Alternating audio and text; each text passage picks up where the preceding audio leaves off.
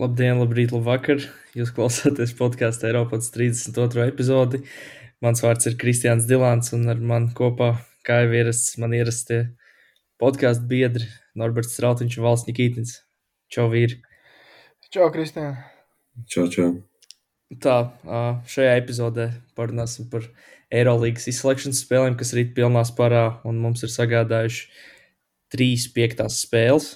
Tad arī nedaudz pieskarsimies uh, Eiropas Nacionālo čempionātu izslēgšanas spēlēm, kas jau ir sākušās vai kur tikko ir noslēgušās regulārās sezonas. Bet uh, pašā sākumā es gribēju varbūt uh, nedaudz parunāt par šo nedēļu. Tāda tiešām notikumiem ļoti bagāta nedēļa. Tātad rīt mums sagaida piektā spēle starp Olimpijākus un Fenerbahču.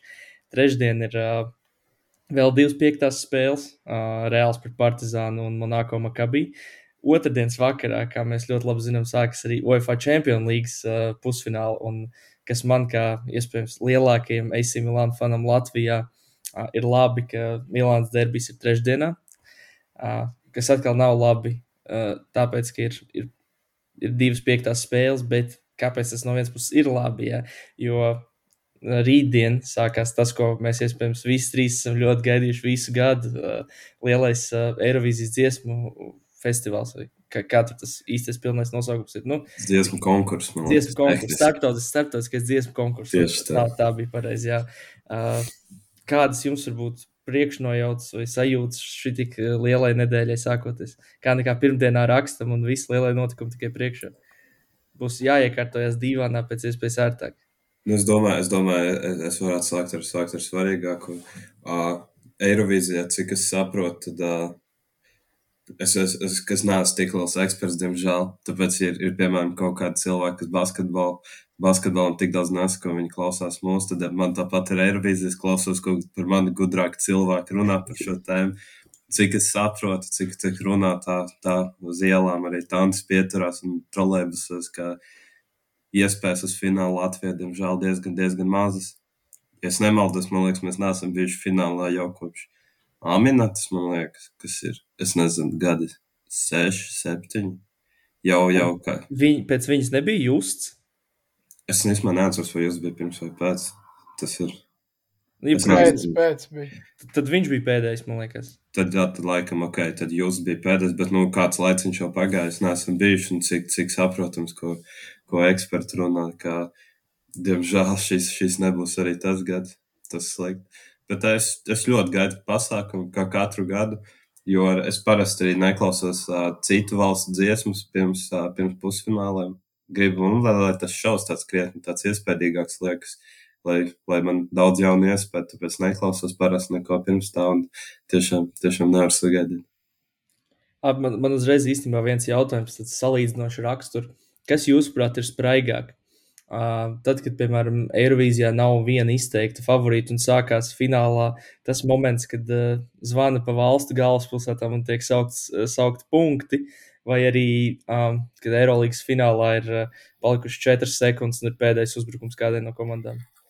Jo es, es gribētu iz, teikt, ka lielāka spriedze ir Eirovīzijā, jo tur viņi tiek noturēti diezgan ilgu laiku, un pēc tam ienāk vēl tās žūrijas balss, kas vispār viss sagriež kājām gaisā. Nē, nē, man liekas, tās, ko, tās, ko izziņo, tās ir žūrijas, un tad pēc tam to, ko pievieno, man liekas, tās ir skatītāji. Ne? À, nu, nu, respektīvi, jā, tas valsts. Nu, labi, tas nav, tas nav, tik, jā, tas nav tik svarīgi. Tas nav tik svarīgi. Bet īstenībā viena kopīgā lieta uh, Eirovīzijai un uh, vispār basketbolam ir tas, ka, kā visi sportisti teikt, tā ir izrāviena spēle. Un tad arī Eirovīzijā tu vari vienu mirkli balsojumā būt krietni priekšā, tad uh, iekrīt mazliet aizsardzībā un tas jau mīnusos. Tā kā jābūt stabilam visas spēles garumā, lai uzvarētu.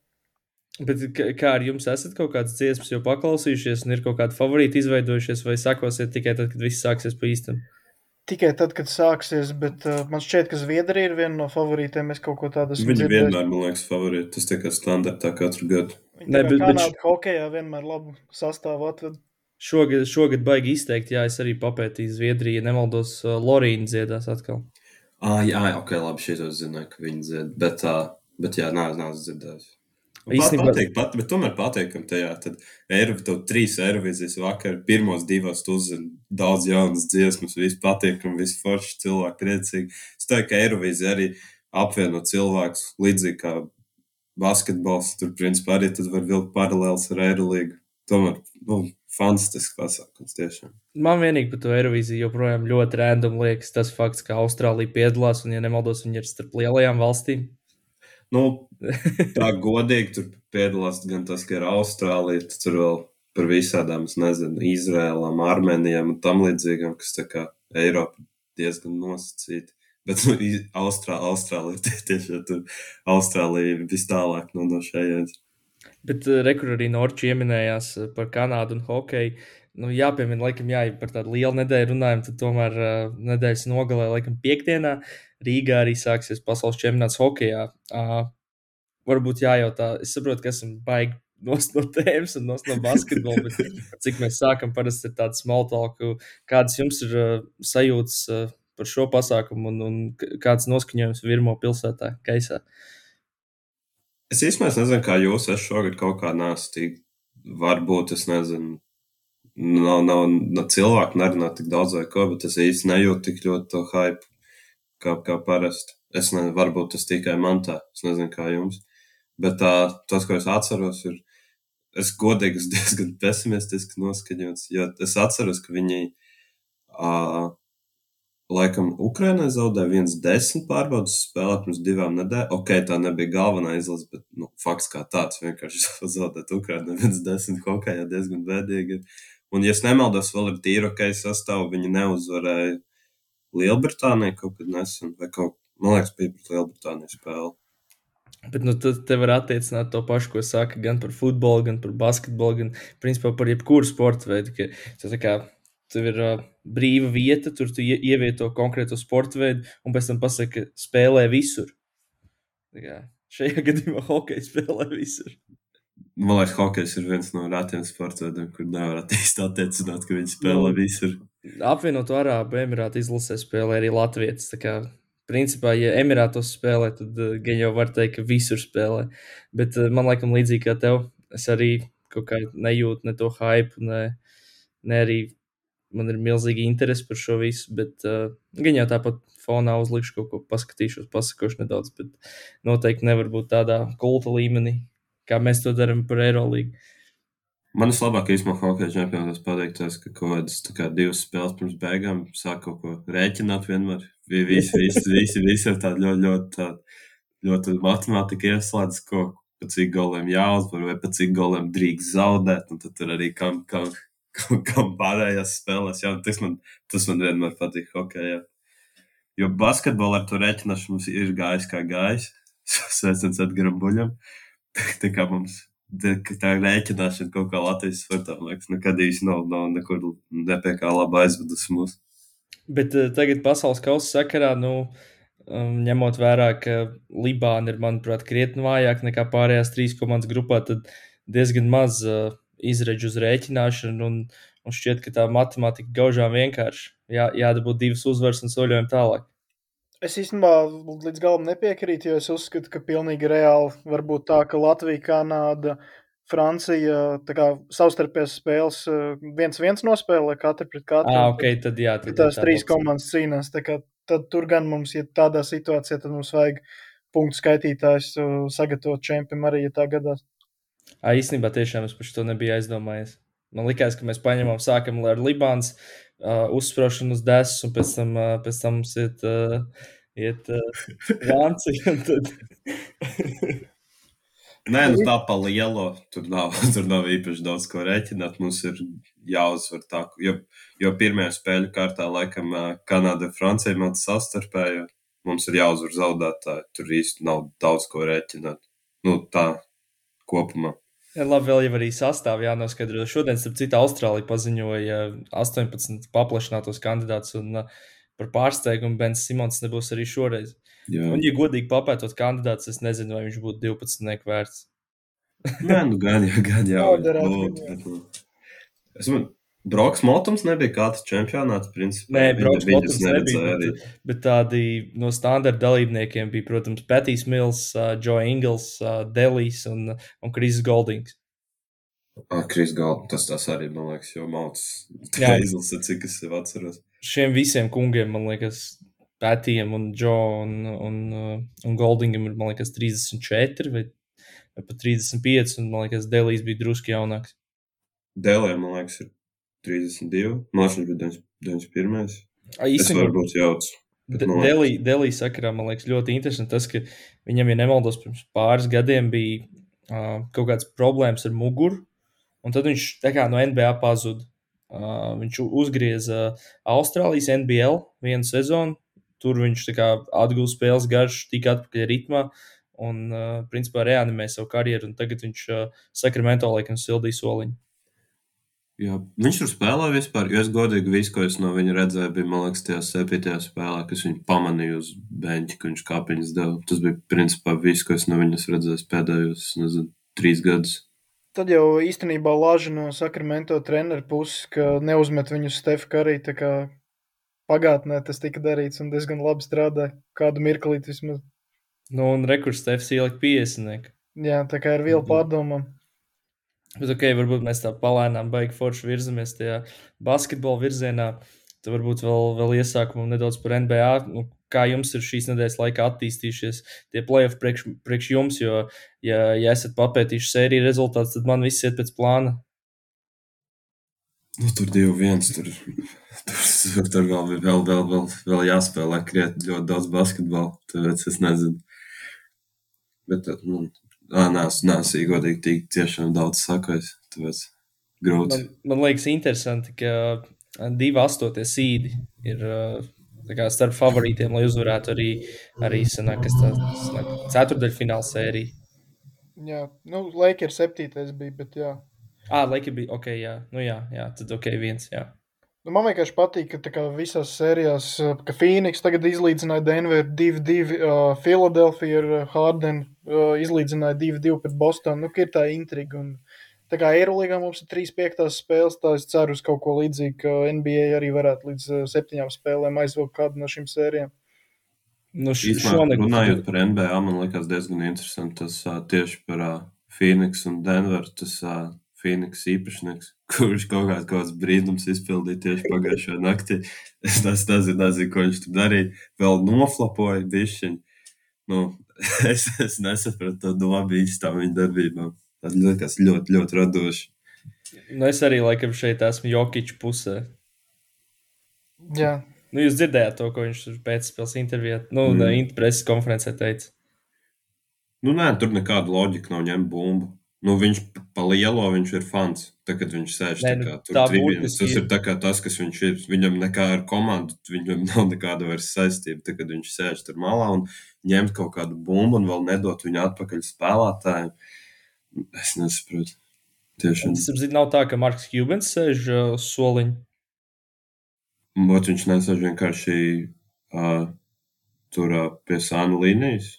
Bet viņš ļoti tuvu soliņam ir parasti, man liekas.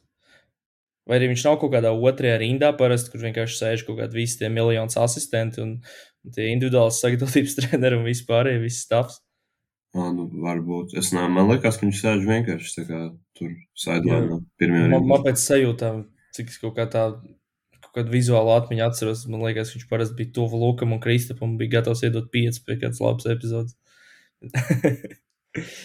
Bet, uh, jā, īstenībā, piemēram, Lakers Golden State sērijā šonakt es teiktu diezgan izšķiroša spēle. Jo, ja, piemēram, uh, Stefam ir gadījies no 3-1 zaudēt, tad uh, Lebrona gadījumā es tam vienkārši neticu. Un, principā, viņš ir zinām iemesli. Jā. Jā, var, var paņemt sēriju, manuprāt. Uh, labi, es, protams, pārspīlēju, bet tas vienkārši tas scenārijs, kā es vēlētos, lai šī sērija iegrozās. Uh, vēl varbūt baigi mums tas izvilks tāds tas ievads ar, ar daudz dažādām tēmām, bet uh, bija arī U19 uh, fināla aizvadītajā nedēļas nogalē. Uh, sanāca nedaudz pasakot, uh, likās interesants basketbols, kas varbūt jums iekrita kaut kā acīs no, no šīm spēlēm. Varbūt es, jā, es godīgi pasaku, uzreiz visas neskatījos, redzēju drusku kaut ko no ceturtdaļfināliem un, uh, un arī no fināla spēles. Kas man īstenībā patika, uz fināla spēli bija diezgan daudz skatītāju sanākuši.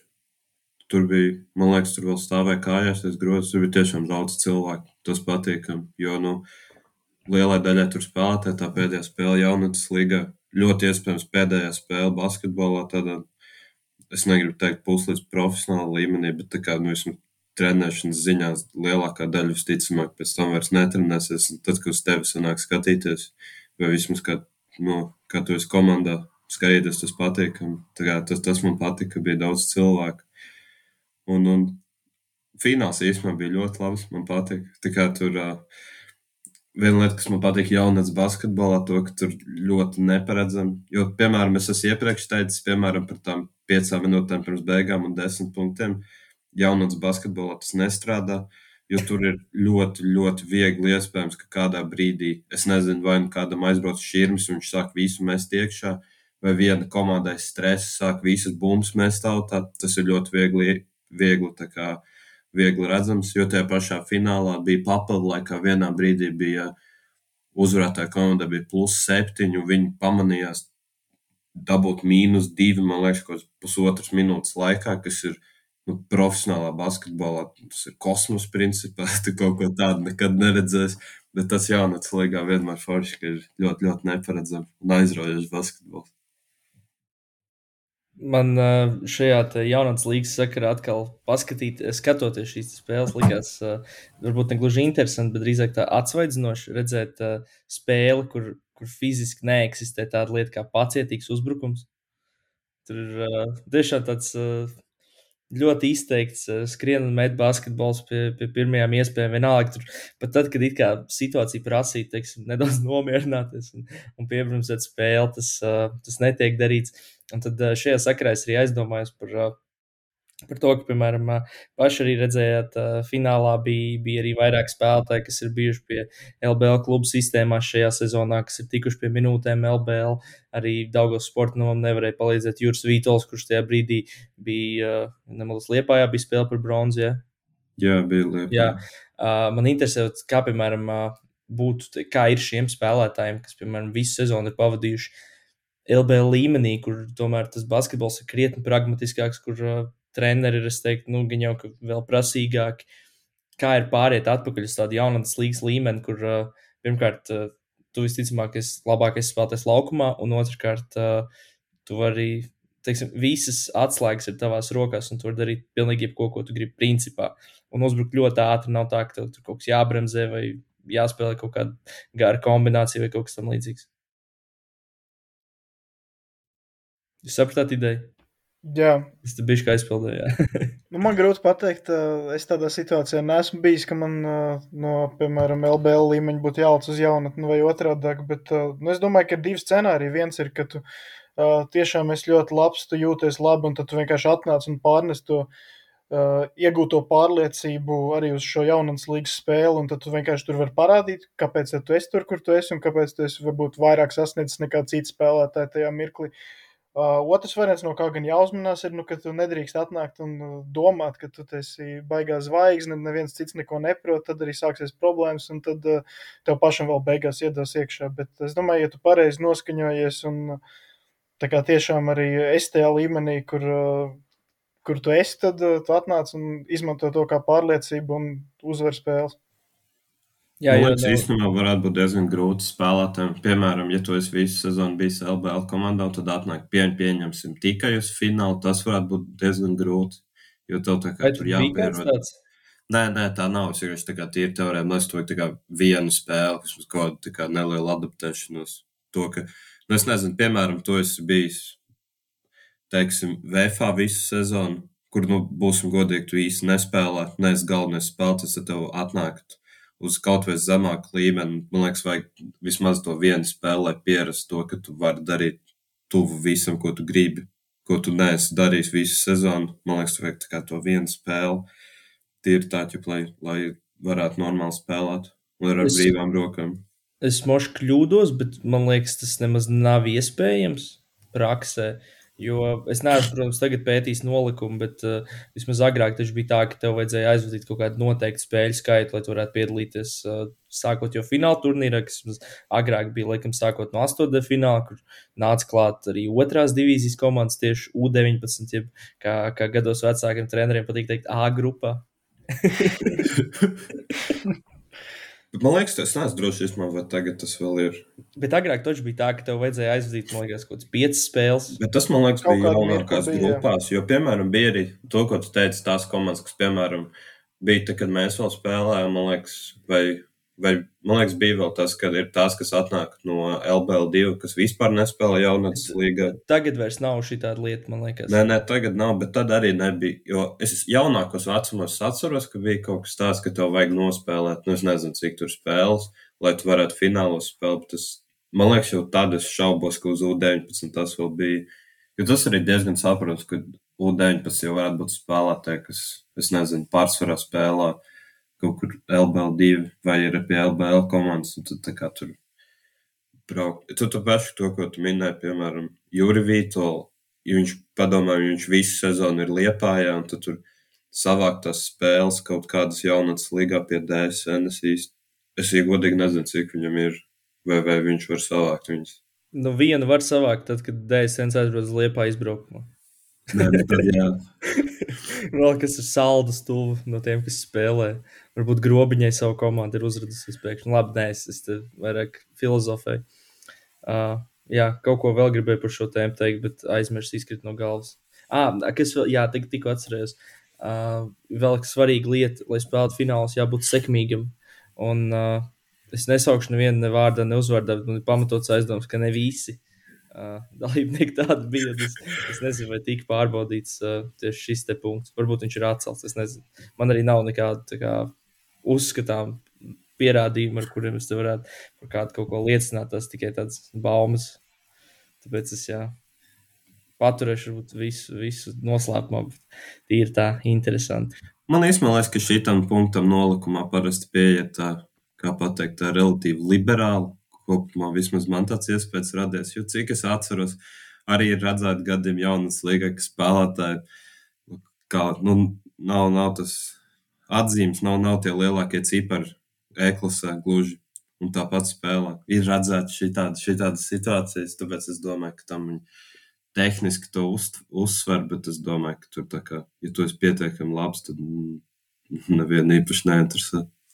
Kā tavuprāt, notiek ā, teiksim, pirms spēles attaisnošana par šo nesekmīgu atzīmi? Tu ej un, piemēram, tai galdiņa meitenei stāsti, ka tu šitai skolotāji nepatīc, vai, vai ko, vai ka tu, ķip, ka tu rīt izlabos. Man liekas, ja tev tiešām, es tā kā es tagad schēmoju, ja tev ir milzīga vēlme, tu vari vienkārši ā, pieņemsim to sekmi izrakstu. Inspekta Tu, elementu. tu inspekti elementu, tu izmaini sev ne, nedaudz tās atzīmes, lai bišķiņi, bišķiņi, bišķiņi lielāku ciparu, un tad tur, jo, nu, būsim godīgi, neviens neies tev uz skolu pārbaudīt, vai tev tiešām ir 4,5 matemātikā, vai tomēr 3,3. Tu neviens neies to īpaši pārbaudīt. Tu, tur nevajadzēja nekādu klases audzinātāju, vai tur direktoru parakstu. Nē, nebija tāda lieta. Es, tas tik sen bija, es neatceros. Es īstenībā ne, nezinu. Kaut kas bija tāds, bet, nu, tur es domāju, ka to visu var apiet. Nu, tas tā kā tas var tikt galā. Nē, nē, noteikti. Jā, ja tas pietiekami apģērbīgs, tā teikt. Jā. Var- Varbūt uh, vēl kāds liels notikums šajā nedēļā vai aizvadītajā nedēļas nogalē, ko mēs esam palaiduši garām, pirms tiešām ķeramies klāt varbūt tam patiesiem notikumam, kāpēc esam šeit savākušies. Es jau jūtu, ka Norčs nevar nociesties. Jā, es nevaru. Ja vēlēs, var, var droši iesākt par Eirolandu, ar, ar kuru spēli vēlamies sākt. Nezinu, nu, Es domāju, ka to Barcelonas žālga varbūt, jo tā vienīgā ja viss kas beidzās. jā, Es varu uzreiz pateikt, ka man ir žēl visvairāk par to, ka viņiem neizdevās izvilkt to vienu spēli. Pirmkārt, mūsu braketu dēļ, otrkārt, tāpēc, ka uh, Žalgiris ar to vienu spēli ienes virs miljonu sev. Un es ticu, ka viņi to varētu nākamajā sezonā prasmīgi izmantot. Vai nu ar piedāvājot rolim naudu, ko viņš ir pelnījis, vai arī palaižot viņu prom un, un parakstot uh, labus aizstājējus. jā, nu, man tā atziņa diezgan līdzīga. Uh, arī palasīja, ka ļoti nopelnījuši ir un uh, arī atmosfēra bija laba, tāpēc gribēs, lai ir vēl viena spēle. Uh, bet, nu, pašā spēles gaitā, nu, lai gan cīnījās, bet nu, joprojām situācija diezgan nemainīga. Es teiktu, vislabākās cerības Žalgina bija tie otrie spēlē, 50 Barcelona. Un šajā spēlē pretēji visiem iepriekšējiem gadiem, kā mēs esam diskutējuši, tad uh, Barcelona beidzot uh, plēve pirmajā kārtā ceturdaļfinālā parādīja, ka viņi tiešām bija labākā komanda. Un, nu, ne sekundi īsti neatstāja cerības, manuprāt. tāpēc man īsti bez pārsteigumiem es jau biju skeptiski noskaņots, bet uh, pēdējo reizi izbaudīju to, ka Eirolandes mačā šo sezonu redzēšu Žalgiri. Bet tu arī at, tu, tu neatdevi vienu spēli Žalgirim prognozē. Nē, es uh, arī Ah. es 3-0 prognozēju. jā. Jā. Jā, atkod. Bet, uh, nu, es nezinu, šī spēlē īsti tāda kaut kādas baigās cerības, man liekas, ka jā, nevienā brīdī neradās. Un viena lieta, kas man nedaudz pārsteidz, tā atceros to spēli. Varbūt tas bija tāpēc, ka iepriekšējā dienā bija gan spēles Telavivā un Belgradā, bet man likās, ka tajā kaunijā tā atmosfēra vismaz mača sākumā bija relatīvi mierīga. Protams, visiem bija zaļi krēkli izdarīt, izdalīt un viss forši, bet tur tā kā tā atmosfēra likās pārāk mierīga. Vai tas var būt tikai man tā skatoties, likās, bet tur es pat nezinu. Tur fani likās jau nedaudz pesimistiski noskaņot jau spēles sākumā. Bet uh, varbūt atgriezīšos nedaudz pie tā, ko, ko Norčs teica par to, ka Barcelona šogad pierādīja, ka viņi tur var trīs spēlēs visu noslēgt. Uh, Pafilozofējot. Vai jūs, prāt, kaut kas līdzīgs būtu arī pret Feneru šogad? Jo, nu, būsim godīgi, izskatās šobrīd tā, ka Žalgers tomēr bija vājākā no, no šīm playoff dalībniecēm. Un es negribu neko sliktu teikt, bet nu, es šaubos, ka, piemēram, pret to pašu Baskoniju tur būtu aizgājis 3-0. Jo ļoti, es teiktu, no Žalgiras perspektīvas ļoti, ļoti neparocīgs matčups tīri, ka tas ir Eirolandes grants. Uh, Tā ir komanda, ko vada Lietuvs, kurš ir iepriekš vadījis Žalgiru. Tur vēl ir asistenti, lejuši, fiziskie treneri, vēl kaut kas, kas tik vēl ne. Uh, tur ir lejuši aizsargs, kas ir, nu, teiksim, bijušais Žalgira aizsargs. Uh, viens no Žalgira līderiem ir cilvēks, par kuru, manuprāt, Šāras zina, gan ko viņš ēd brokastīs, cikos viņš iet gulēt un kādas zivs viņam patīk makšķerēt. Nu, ja pilnībā, pilnībā visu viņš zina par viņu, viņš viņu izslēdz ārā pilnībā no, no sērijas. Un, un vēl tas, ka cik vāji bija Žalgira mazie kopumā. Es teiktu, ka Barcelona tiešām nu, nenormāli parocīga sērija. No Barcelonas perspektīvas un no Žalgira perspektīvas ļoti neparocīga. To iepriekš minēto iemeslu dēļ, varbūt neskaitot mazos spēlētājus. Jo nu, maziem spēlētājiem būtu grūtības pret jebkuru pretinieku, bet es šaubos, vai, vai tas pats Olimpijākos vai jebkura cita no, no pirmā četrnieku komandām varētu uh, kaut ko līdzīgu. Varbūt reāls, bet viņi jau nekautos. Man, man nākošais dod šansas. Jā, nē, nu, grūti, manuprāt, ā, arī varbūt, ja kaut ko var izsacināt par playoffiem, ir, ā, ka playoff un regulārā sezona, manuprāt, ir divi dažādi basketboli, kas tiek spēlēti. Un, ā, tagad tu vari kā sagatavoties vienam konkrēti pretiniekam, tad, ā, nu, tiešām tu vari noskaidrot, kādas zīves viņa makšķeri un ko tik vēl ne. Tu vari pilnīgi visu sagatavot, un arī Šārs vienmēr ir slavens ar to, ka viņam ir ā, baigā stratēģija, viņš ā, zina kā katru punktiņu, kā viņš grib darīt, ko darīs. Un, uh, labi, viņi tur dažreiz kritizē, ka viņš pārāk uzspiež to saviem spēlētājiem, bet, uh, ja tev ir labs plāns, tas tiek labi likts lietā, un tu arī objektīvi esi spēcīgāks, nu, tad tam ir jāizdodas. Un ne tikai žēl, ir mazie spēlētāji, arī es teiktu, ka Rolands Šmits, diemžēl, tika izslēgts no šīs sērijas. Uh, nu, nezinu, nu, ne, nebija viņš uh, arī ne tuvu tik labs, kā viņš bija regulārajā sezonā. Daļa no tā, protams, ir matčups un vecā komanda, bet nu, daļa arī ir tā nu, sagatavošanās. Man, piemēram, nezinu, man ir skaidrs, ja Rolands Šmits uh, spēlē postā ar uh, kreiso roku, ka, nezinu, piemēram, 70% viņš griezīsies pa labi beigās un metīs pret vairogu, pārējos 30% būs tas kreisais āķīts. Un, Nu, nezinu, šādas visādas lietas, tā, kad ir īpaši, kad ja Šāras ir Barcelonas treneris, nu, tu, tu vari saskēmot, un Žalgiris nav tā daudzveidīgākā komanda. Viņi daudz ļoti viens pret viens spēlē, un to visu saliekot kopā, manuprāt, rezultāts ir uh, tikai loģisks. Vēl ir- man liekas, arī vienkārši tāda komanda, ka viņi nav tik meistarīgi. Ja, piemēram, tu viņiem izslēdz ārā šmītu un vēl kaut ko, tur nav tik daudz spēlētāju, kas tev varētu palīdzēt kaut ko izšķirt. Jo, nu, lai, lai viņi varētu cīnīties ar Barcelonu, jau vajag principā visiem aizvadīt labas spēles. Un, un nu, tur, man liekas, tad tev vienkārši jāparādījās tas, ka tur viena komanda ir, būsim godīgi, krietni talantīgāka par otru. Es varētu izvirzīt vēl tādu, nezinu, kā to nosaukt par teoriju uh, vai kā, bet uh, to, ka Žalgiris regulārās sezonas izskaņā uh, un vispār, teiksim, liela daļa regulārās sezonas, tīpaši pēc Evansa uh, savainojuma, uz katru spēli gāja kā uz pēdējo un spēlēja jau tādā tā kā playoff režīmā. Un tā kā viņiem šis talants un, un vispār kopumā sastāvdaļas dziļums ir diezgan limitēts, viņi principā arī visu to regulārās sezonas beigas, kur viņi pabeidz laikam trīs uzvarām pēc kārtas. Pareizi. Trīs vai Nu, četrām. Nu, ja, nu, okay, nu, viņi tur labi nogriezās tās beigas. Uh, spēlēja jau ļoti tuvu savām tam spēju robežām. Un tad tev nāk pretī tāda Barcelona, kura tomēr, uh, nu, es domāju, viņi spēlē drusku citā robā, nekā viņi to darīja regulārajā sezonā. Es nesaku, ka viņi tur regulārajā sezonā atpūšas vai kā, jo nu, paši zinat, ka, kā strādā Eirolandes regulārā sezona un Eirolandes basketbols kopumā. Bet man tāpat gribētos domāt, ka it īpaši tās komandas, kas tiek tajā Final Four, viņas tomēr, pat ja viņas spēlē izcili regulārajā sezonā, viņas tomēr spēja pacelt to savu spēli vēl solīt augstāk, dabūt klāt tos kaut kāds, nezinu, 2-3%. Nu, kaut kādā veidā pielikt vēl. Jā, nu tas ir tas, ko līdz šim Manadolu FS katru sezonu izdarīja plēfos. Un uh, tas, kurš to izdarīs, tas droši vien uzvarēs titulu. Tā tāda man trakā prognozīt. Vēl man uh, šajā sērijā, līdzīgi kā jau īstenībā visu sezonu, kopš viņš uh, pievienojās uh, Žalgirim, krīt acīs Akila Polonāra. Uh, atceramies, kāds viņš bija Baskonijā. Jā, Principā tas bija no- kādu laiku atpakaļ jau. Nu, tas bija cik senāk, viņš bija Fenerā divas sezonas. Vai Vienu, man liekas. vienu, un tad viņš sāka. Tas senāk bija pirms divām sezonām. Uh, nu, tiešām izcils spēku uzbrucējs. Uh, arī Eiropas čempions viņš bija tīri ok. Uh, tagad plēfos, kad, kad viņam it kā vajadzētu spērt to solīt uz augšu, kad it īpaši, kad rolas ir uh, samērā švaks un, un izslēgts ārā no spēles, tas īsti nenotiek. Nu, un, un arī, kad viņš tika parakstīts, tad viņš pats teica, ka viņam ir bijis šis sliktais posms, gan Fenerā, gan, gan FSA, un ka ir kaut kā jāmēģina atgriezties sev tajā līmenī, kur viņš bija. Uh, ja viņš to nespēja izdarīt šādā žēlgājas komandā, uh, vai jūs redzat, ka viņš to spēs izdarīt kaut kur citur?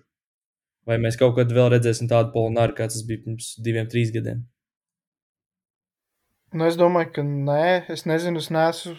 Nu, es tajā Baskonijas laikā varbūt arī tik daudz nepievērsu viņam uzmanību un varbūt neiz, neizskatīju pilnā krāšņumā to, ko viņš dara. Bet, eh, nu, pēdējos gados es, nu, statistiski redzēju, ka viņš tur ļoti iespaidīgs izskatās. Bet, eh, Tā pēdējos gados es neesmu redzējis, kā, ka es skatos uz Polnāru un domāju, nu, šito džeku ir ļoti, ļoti grūti apstādināt. Man mirkli nav bijusi tāda sajūta. Un, tāpēc es domāju, ka viņš tāds arī tā kā paliks vienkārši normāls, solīts lomas spēlētājs uh, Eirolandā.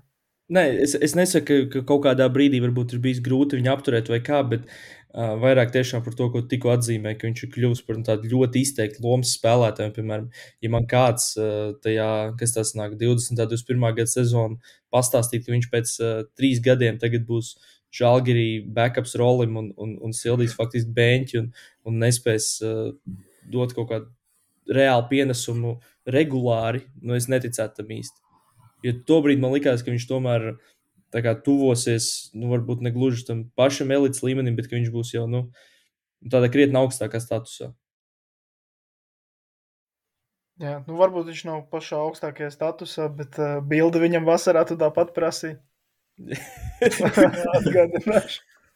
Tur jau mēs visi autobusam uzskrējām virsū. Patīkami bija. Veiksmīgi. Vēl kaut kas par šo sēriju vai kā?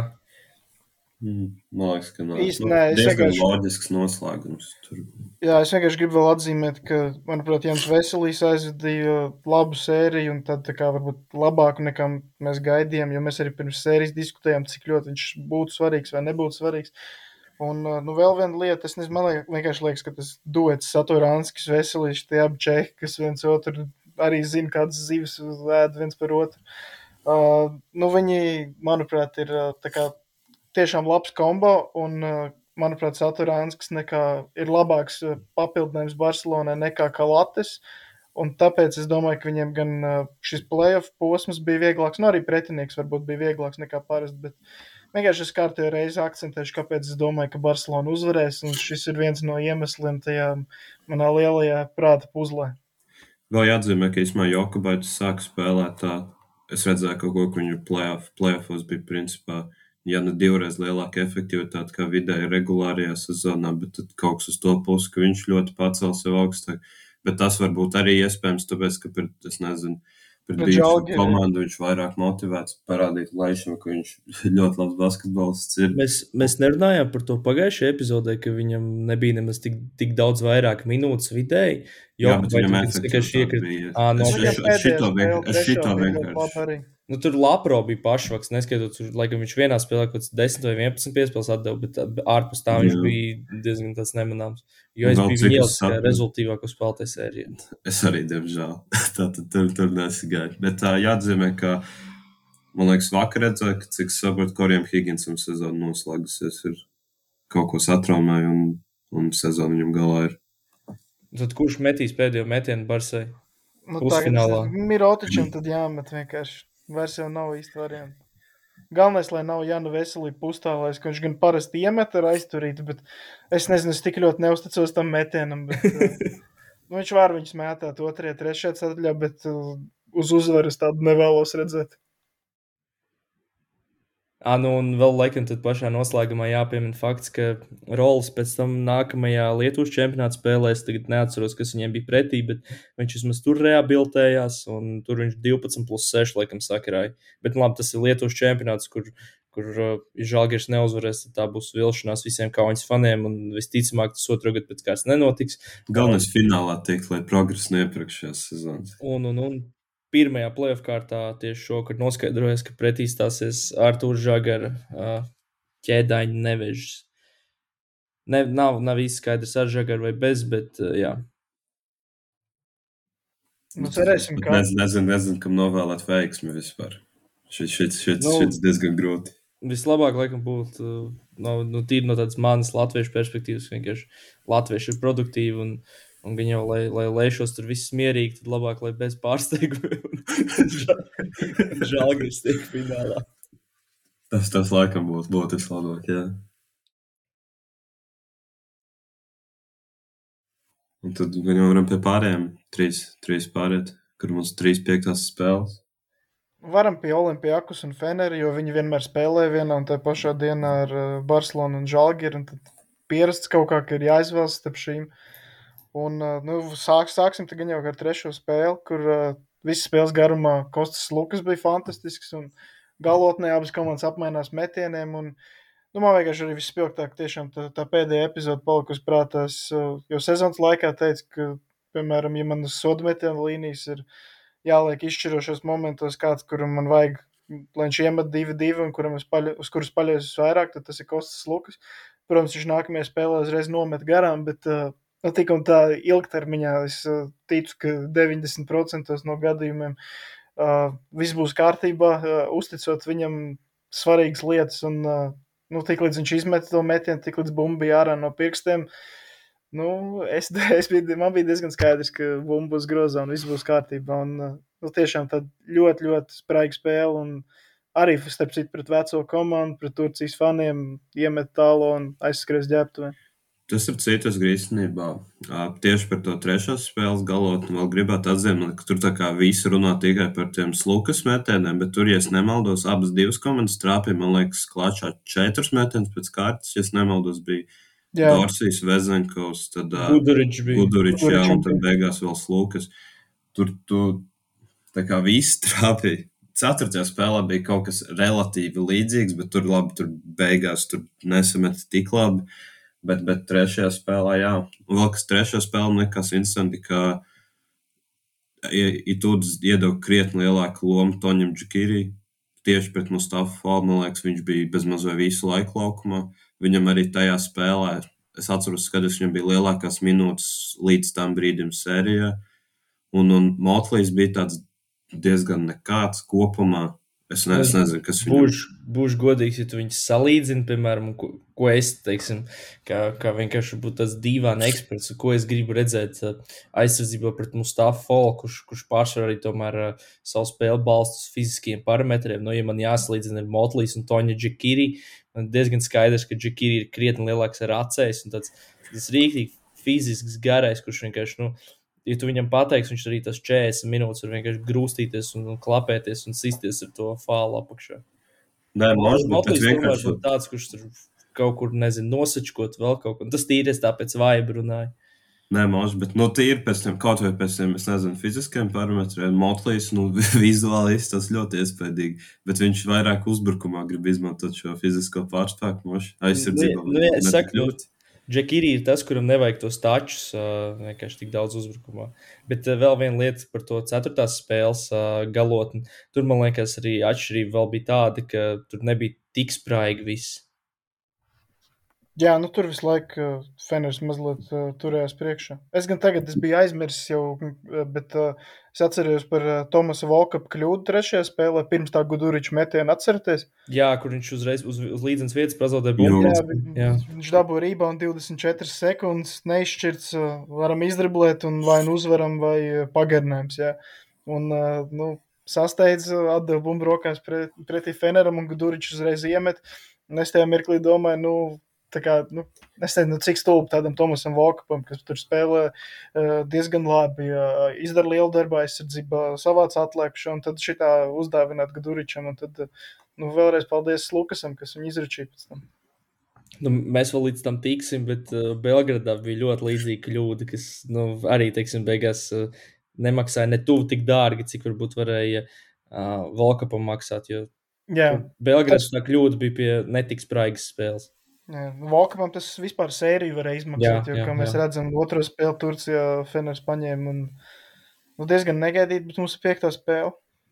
Man īstenībā man bija tā, ka bija pirms tās trešās spēles, es biju relatīvi drošs, ka būs piecas, ka tā kā viņi sadalīs tās spēles Turcijā, bet tad, tā, kad viņi zaudēja to, to, to trešo spēli Fenerbahču, tad man godīgi likās, ka tur tad viss arī tajā ceturtajā noslēgsies, jo man liekas, ka ir tīri emocionāli grūti atnākt atpakaļ pēc kaut kā tāda, ka tu esi, nu, kopumā viņa aizvadīja tiešām labu spēli.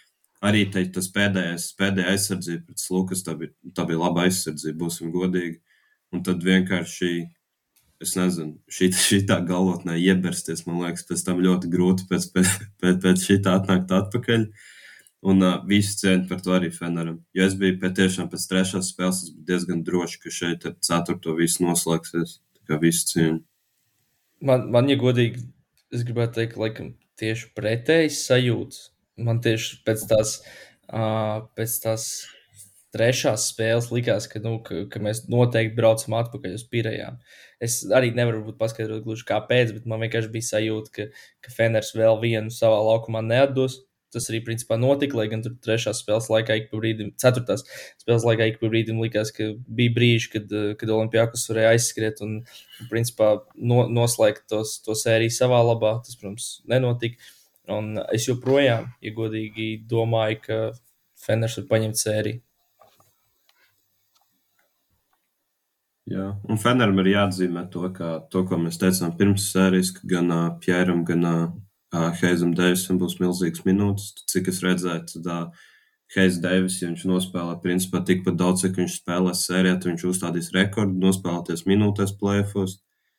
Jo man liekas, ka es tagad, tagad nav precīzi cipari priekšā tur jāapstāsta, bet viņam bija, man liekas, mazākais spēles laiks bija laikam 35 minūtes vai 36, kaut kas tāds. Nu, reku es atvēru. Viņš kopā no 160 minūtēm ir spēlējis 150 minūtes un 50 sekundes. Viņš pat nav bijis malā pilnu ceturdaļu.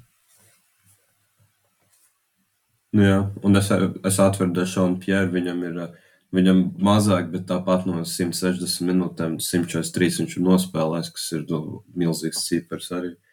Un es esmu Dešons Piers tieši 4. spēlē, kas īstenībā arī man liekas kaut kāda nedaudz, es nezinu, neloģiski, es nezinu, tu spēlē, piemēram, tik milzīgas minūtes, divas nedēļas no vietas, un tad pēkšņi vienā ceturtajā spēlē tu izšauji, ka tev tehniski vajadzētu, es nezinu, man liktos nedaudz fiziski nosēsties, bet, bet viņi abi nenosēžās, par ko visu cieņu, un tad ceturtajā spēlē Dešons Pieris 17 acis iebar. Sajūta spēles garš.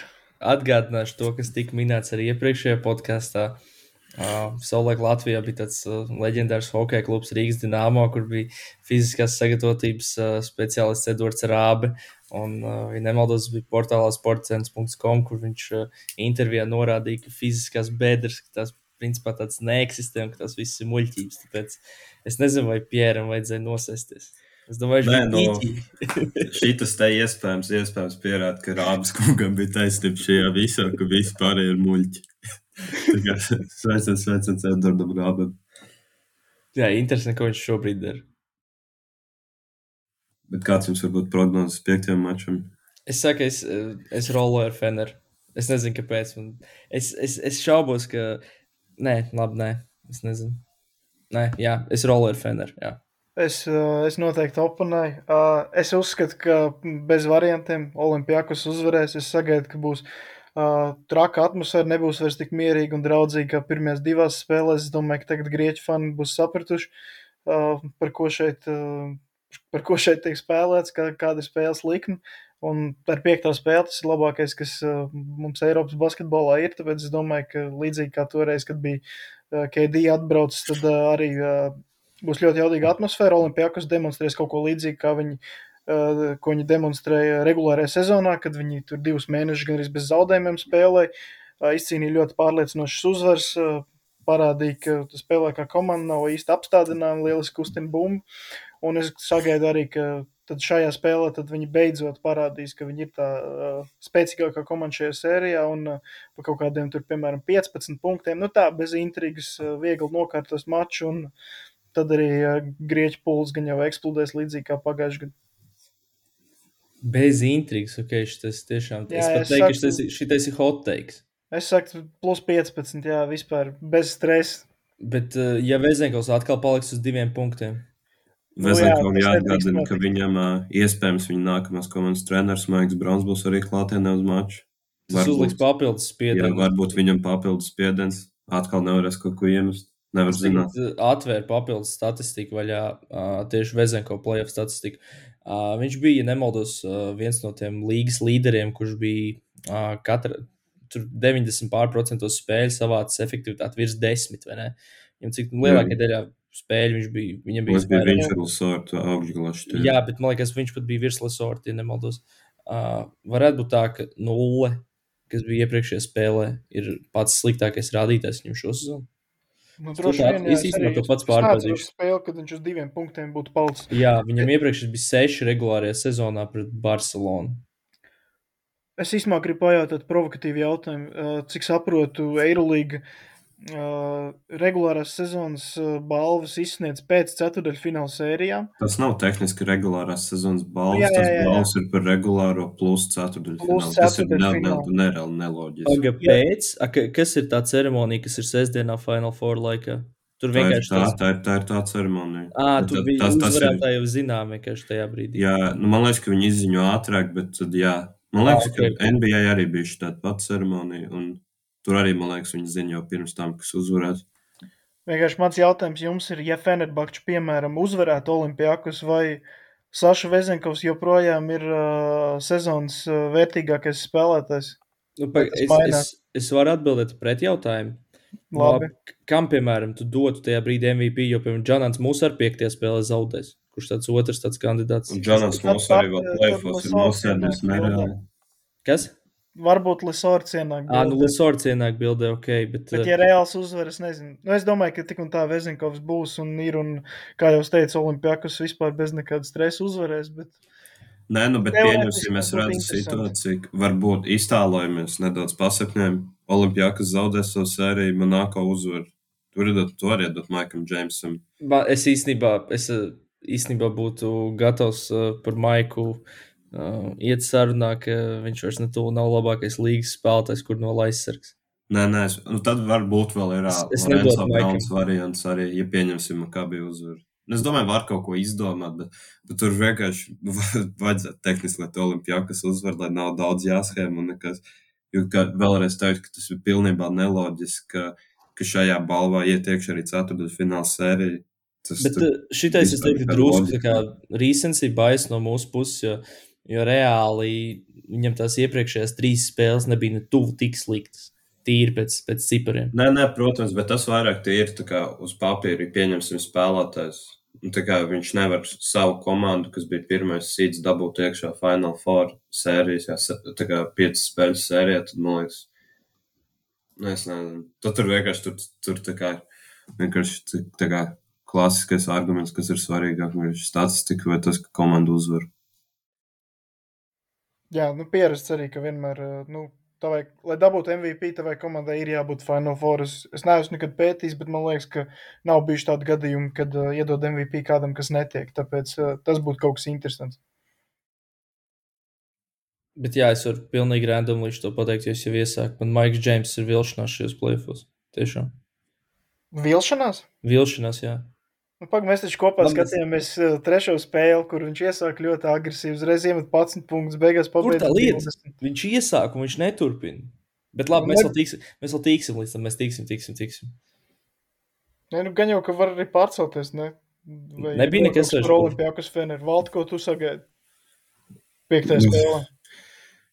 Šī arī viena ļoti grūta prognozēt, bet es, es laikam likšu uz Olimpijakus tīri, tāpēc, ka viņi mājās. Jo, nu, es, es nezinu, šī tā teikt. Es, es pirms sērijas negaidīju, ka būs aizraujoši. Izrādījās, ka bija tas ļoti forši. Un, un tagad laikam jāiet ar, ar mājas faktoru tomēr. Lai gan, kā jūs teicat, manuprāt, tā arēna ir overrated kopumā. Ne, arī, bet es arī tīri par to, ka Olimpijāks vienkārši visu sezonu bija labākā komanda un Fenerbahčs bija tik nestabili, tik uh, Nezinu, man pat diezgan kaitinoši. Tagad viņi pat solīdi un diezgan simpātiski spēlē, bet uh, man sezonas laikā galīgi nepatika. Un, uh, es vienkārši no tā, ko gada garumā es esmu redzējis, es paļaujos, ka tās kvalitātes pārnesīsies uz piekto spēli un uh, rezultāts būs uh, skaidrs. Bet tad, jā, bet tad, tad, diemžēl, ir ik pa laikam basketbolā gadās. Pagājušajā sezonā bija tāpat Milāna visu sezonu spēlēja labi, un pēc tam zaudēja FS. Nu, labi, labi, tur bija arī traumas, vēl kaut kas tāds. Nē, nē, nē, nē, protams, tur visādi faktori, bet, diemžēl, parasti gadās arī tā, ka basketbola dievs neatalgo tev par to, ka tu esi labs 34 spēles regulārajā turnīrā. Pagaid, kāda situācija ir ar Skotiju Vilbekinu? Jo, ja viņš spēlēs, atdod uzvaru Olimpijākas. Viņš bija, viņš, viņš, viņš, man liekas, viņa tā tre, Ceturtā spēle bija pirmā spēle, kur viņš bija pieteikumā, bet, bet viņš laukumā negāja. Nu, jā, tāpēc teikt, viņš negāja laukumā, jo man vajag Kārsena Edvards ar svaigu manikīru.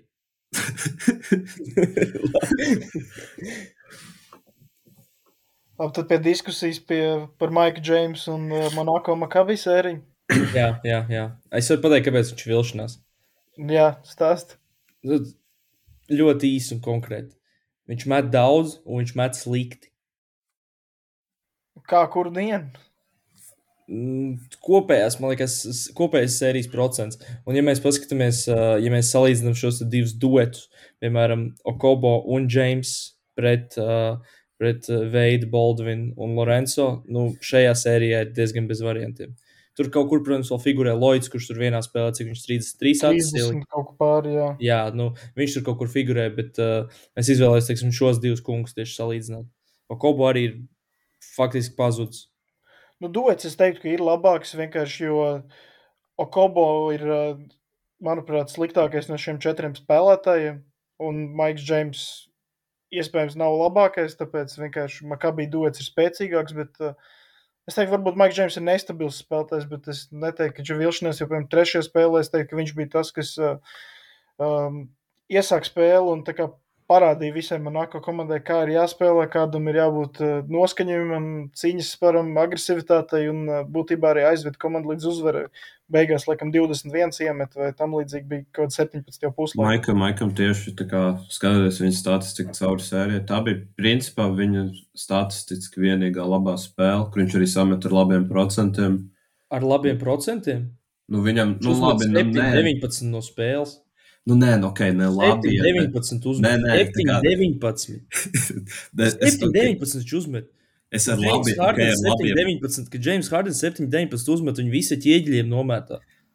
Nē, nu, ok, ar labiem es nedaudz pārteicos, tā kā labiem salīdzinājumā ar pārējām spēlēm, jo viņam, piemēram, sērijas 4. spēle ir 3-13, sērijas 2. spēle ir uh, 3-12, tā kā tā 7-19, tas tā kā kopumā nav, nav labi, bet kā, salīdzinājumā ar pārējām tas ir relatīvi labi. Jo, pa, pa principā, trojkas tā bija vienīgā spēle, kur viņš kaut ko samet. Jo pa visām pārējām spēlēm kopā viņam sanāk ir 2,16. Un tad šī tajā vienā viņš samet divreiz vairāk nekā pārējām trīs spēlēm kopā. Es, es, es negribētu piesaukt šo lietu, bet, uh, zinām, varbūt vecums nenāk viens. Paklaus, es varu paskaidrot. Es Jā, varu ir paskaidrot. sākums, jā. Tātad mēs atceramies, kad viņš vēl spēlēja okupantu galvaspilsētā, kad viņš tur bija. Un uh, varbūt tas ir, es nezinu, kā manā galvā kaut kāds nostalģisks atmiņas, vai kas tieši par tā laika maiku, vai, vai īstenībā par to pašu maiku, kas bija Panatā, vai, vai kas bija Maiks, kas bija uh, Milānā vai Baskonijā vispār. Viņš visur ir bijis. Super, super, jā, super Maiks priekš manis. Uh, ja tagad es tā atskatos, uh, man liekas, ka viņš tobrīd bija tāds pussolīti eksplozīvāks. Un līdz ar to jūs, jūs, jūs paši zinat, cik ļoti viņam patīk aizrauties tiem ļoti sarežģītiem metieniem. Un es gribētu izvirzīt tādu teorēmu, ka viņš iespējams tos sarežģītos metienus tobrīd varēja izmest, teiksim, puscentimetru augstāk, puscentimetru pārliecinošāk. Viņš varēja to stepback dabūt puscentimetru tālāk, kas viņam deva to, teiksim, nelielo priekšrocību par to aizsargu. Ok, te ir, protams, jāskatās arī kaut kāda viņa karjeras cipara metienos. Es ticu, ka viņš visticamāk nekad nav bijis uh, ar super augstu procentu metējis, bet šobrīd man vienkārši liekas, ka teiksim, tiem uh, Makabī aizsargiem, kur ir komandā samērā daudz džeku, kas vismaz teorijā var viņu sekt, ka viņiem ir priekšrocība tajā, ka, ka viņš mēdz aizrauties ar šiem sarežģītiem metieniem, un tas vairāk traucē viņam un Monako. Liela daļa no tā ir taisnība. Jā, es ā, piekrītu, ka viņš ir ā, mazliet lēnāks, mazliet tāds. Nu, varbūt ne tik labs, kā viņš izskatījās citās sezonās, bet, ā, manuprāt, jāņem vērā arī tas, ka Nu, viņam te... Nu, jā, arī tas, jā. Mēs tur arī nepieminējām Brooklynas Maiku. Ah, viņu varam- Phoenixes vēl. Viņš bija Phoenix arī. bija, bija, jā. Jā, Okay. Pelikāņos arī, man liekas. Viņš Phoenixā varbūt ar Kobo bija kopā. Varētu būt īstenībā. Tad jau čaumiņi, tāpēc tagad mēs sapratām, kāpēc tā. Bet uh, varbūt tagad viņam arī jāpamēģina savs spēles stils, ir, uh, jo viņam ir uh, uh, tieši aizsarga pozīcijas Loits un Kobo, kas ir arī spēlētāji, kam patīk spēlēt ar bumbu un kam vajag spēlēt ar bumbu, lai viņi būtu labi. Un tad viņam ir kā vairāk jādalās. Un par spīti tam, ka viņam ir kā vēl šie partneri, kam atdot bumbu, viņi tik un tā pa divu viņam. Tā kā aiz, Makabī aizsardzība tāpat ik pa laikam nāk pa divu viņam virsū kaut vai pie centra līnijas. Un, uh, nu, varbūt tu nevari būt tik iespaidīgs. Un tad, kad tev beidzot neuznāk pa divu virsū, tad tu gribi uzmest savu trako metienu, un tad, tie, nu, jo trakāk metieni, jo sliktāk procentu parasti. Maikam nevienmēr, bet nu, tā parasti basketbolā ir. Jā, bet es tā domāju, ka, teiksim, ja tu kandidē uz tādu teiksim, līgas galvenā dūža statusu, tad tev vajadzētu mācīt, uh, kaut kādā veidā nodalīt šīs lietas, kad, kad mest, kad nemest, un, un iespējams upurēties kaut kā komandas vārdā, tīpaši tādā Eiropas basketbolā, kur varbūt uh, individuāli talanti tik daudz nedominē, kā tas ir otrpus okeānam. Un, teiksim, es teiktu, ka tāds koļam ir otičs šādā ziņā ir krietni, krietni labāks. Lai arī cik es iepriekš Man viņā liekas, jā, jā, kritizēju. pir, pirmais kompliments no tevis ir Otičam. Bet, Bet man viņi arī savādāk, jo man liekas, Mirotičs jau nepaļaujas tik ļoti uz kaut kādu ātrumu vai kaut ko tādu. Nu, Maikam viņam, arī, tomēr- viņam arī vieglāk, tomēr viņam cita pozīcija. Nu. Manuprāt, vieglāk. Tā kā labi, tas Maikam tas tomēr, līdzinājums nu, lietas. kad, kad viņš agrāk bija, viņš arī ļoti eksplozīvs. Viss, tā kā tas jau, uz, kā tu saki, uz vecumu, tas jau tās pirmās lietas, kas pazud. Un tas īstenībā tas vecums jau nav nemaz tik liels uh, stiepiens, tā teikt, jo nu, viņam šogad 33 gadi jau paliek. Nav viņš vairs nekāds pilnīgs jaunais gluži. Nē, nu, tāpēc, tā, tāpēc es minēju to, jo vēl tā lieta, ko arī viņš ir teicis, ka viņš jau viņš tur nesolīja, ka viņš tur spēlēs kā kaut kāds Filipa Reis līdz 45 gadiem. Viņš par to arī pats šo sezonu teica, ka viņam, nu, principā pēdējās sezonas. Un vēl, kad jūs atceraties kādu pēdējo viņa tādu kārtīgu danku caurgainā? Es tiešām neatceros. Nu, viņš tomēr diezgan īss ir. Bet viņš agrāk lika tādus. Nē, tas ir. Jā. Es neesmu tik daudz, varbūt, nākotnē spēles regulārajā sezonā skatījies. Es skatījos, tad, kad viņi spēlēja pret citu top 8 komandu. Un gan jau viņš iesprāta, tad, kad pret kaut kādu Berlīnas albu. Pret Berlīnas Alviem nebija iespēja iesprūst. Tur bija box and one visu spēli. Nu, ā, jā, jā, nu, pareizi, pareizi. Ā, Bet uh, par to Maika metienu izvēli es gribēju vēl teikt, ka, manuprāt, uh, ar viņu vispār ir interesanti. Man šķiet, ka viņš pirms spēles met monētu dažreiz, un tad izlemj, un tad viens variants ir, es metīšu visus metienus, kad vien varēšu, un tad otrs variants ir, ka viņš izdomā, ka viņš vispār nemetīs. Un tad viņš ļoti dīvaini balansē ar šīm lietām. Dažreiz viņš to vien dara, ka krāmē pa grozu, un dažreiz viņš vispār to nedara. Tā kā, piemēram, tas bija pret Žalgiri uh, regulārajā sezonā. Labi, tad viņš no savu nelielu atvaļinājumu bija tieši atgriezies, bet uh, nu, tik un tā, tā kā viņ, viņš ļoti, ļoti, viņš arī pa ceturdaļām šo ļoti, ļoti miksē un ļoti, ļoti dažādo to savu spēles stilu. Tas man liekas, es, es īsti godīgi neesmu to sapratis, jo dažreiz tiešām tas ir ļoti izteikti, ka viņš kā, nezinu, negrib mest vai ko. To, ka viņš ļoti pasīvi uzreiz pāriet, piemēram, pārdzīvot pāri laukumam, atdot kaut kam piespēli, un tad stāv pie centra ap un neko vairs nedara. Tā kā dažreiz tā ir. Šajā sērijā, principā, tā, tā spēle pret tā, šito, tā trešā spēle, principā, vienīgā, ko es atceros, viņš bija izteikti agresīvs jau no sākuma Un, un nu, tā arī viņam bija tā labākā spēle. Tad es nezinu, kāpēc viņš, kāpēc viņš dažreiz grib, dažreiz negrib. Ne, ja, ja, mēs, ja mēs skatāmies uh, pēc, uh, pēc statistikas rādītāja punkti uz izmesto metienu, uh, tad labākā bija pirmā spēle. Tas ir. bet labi, jā.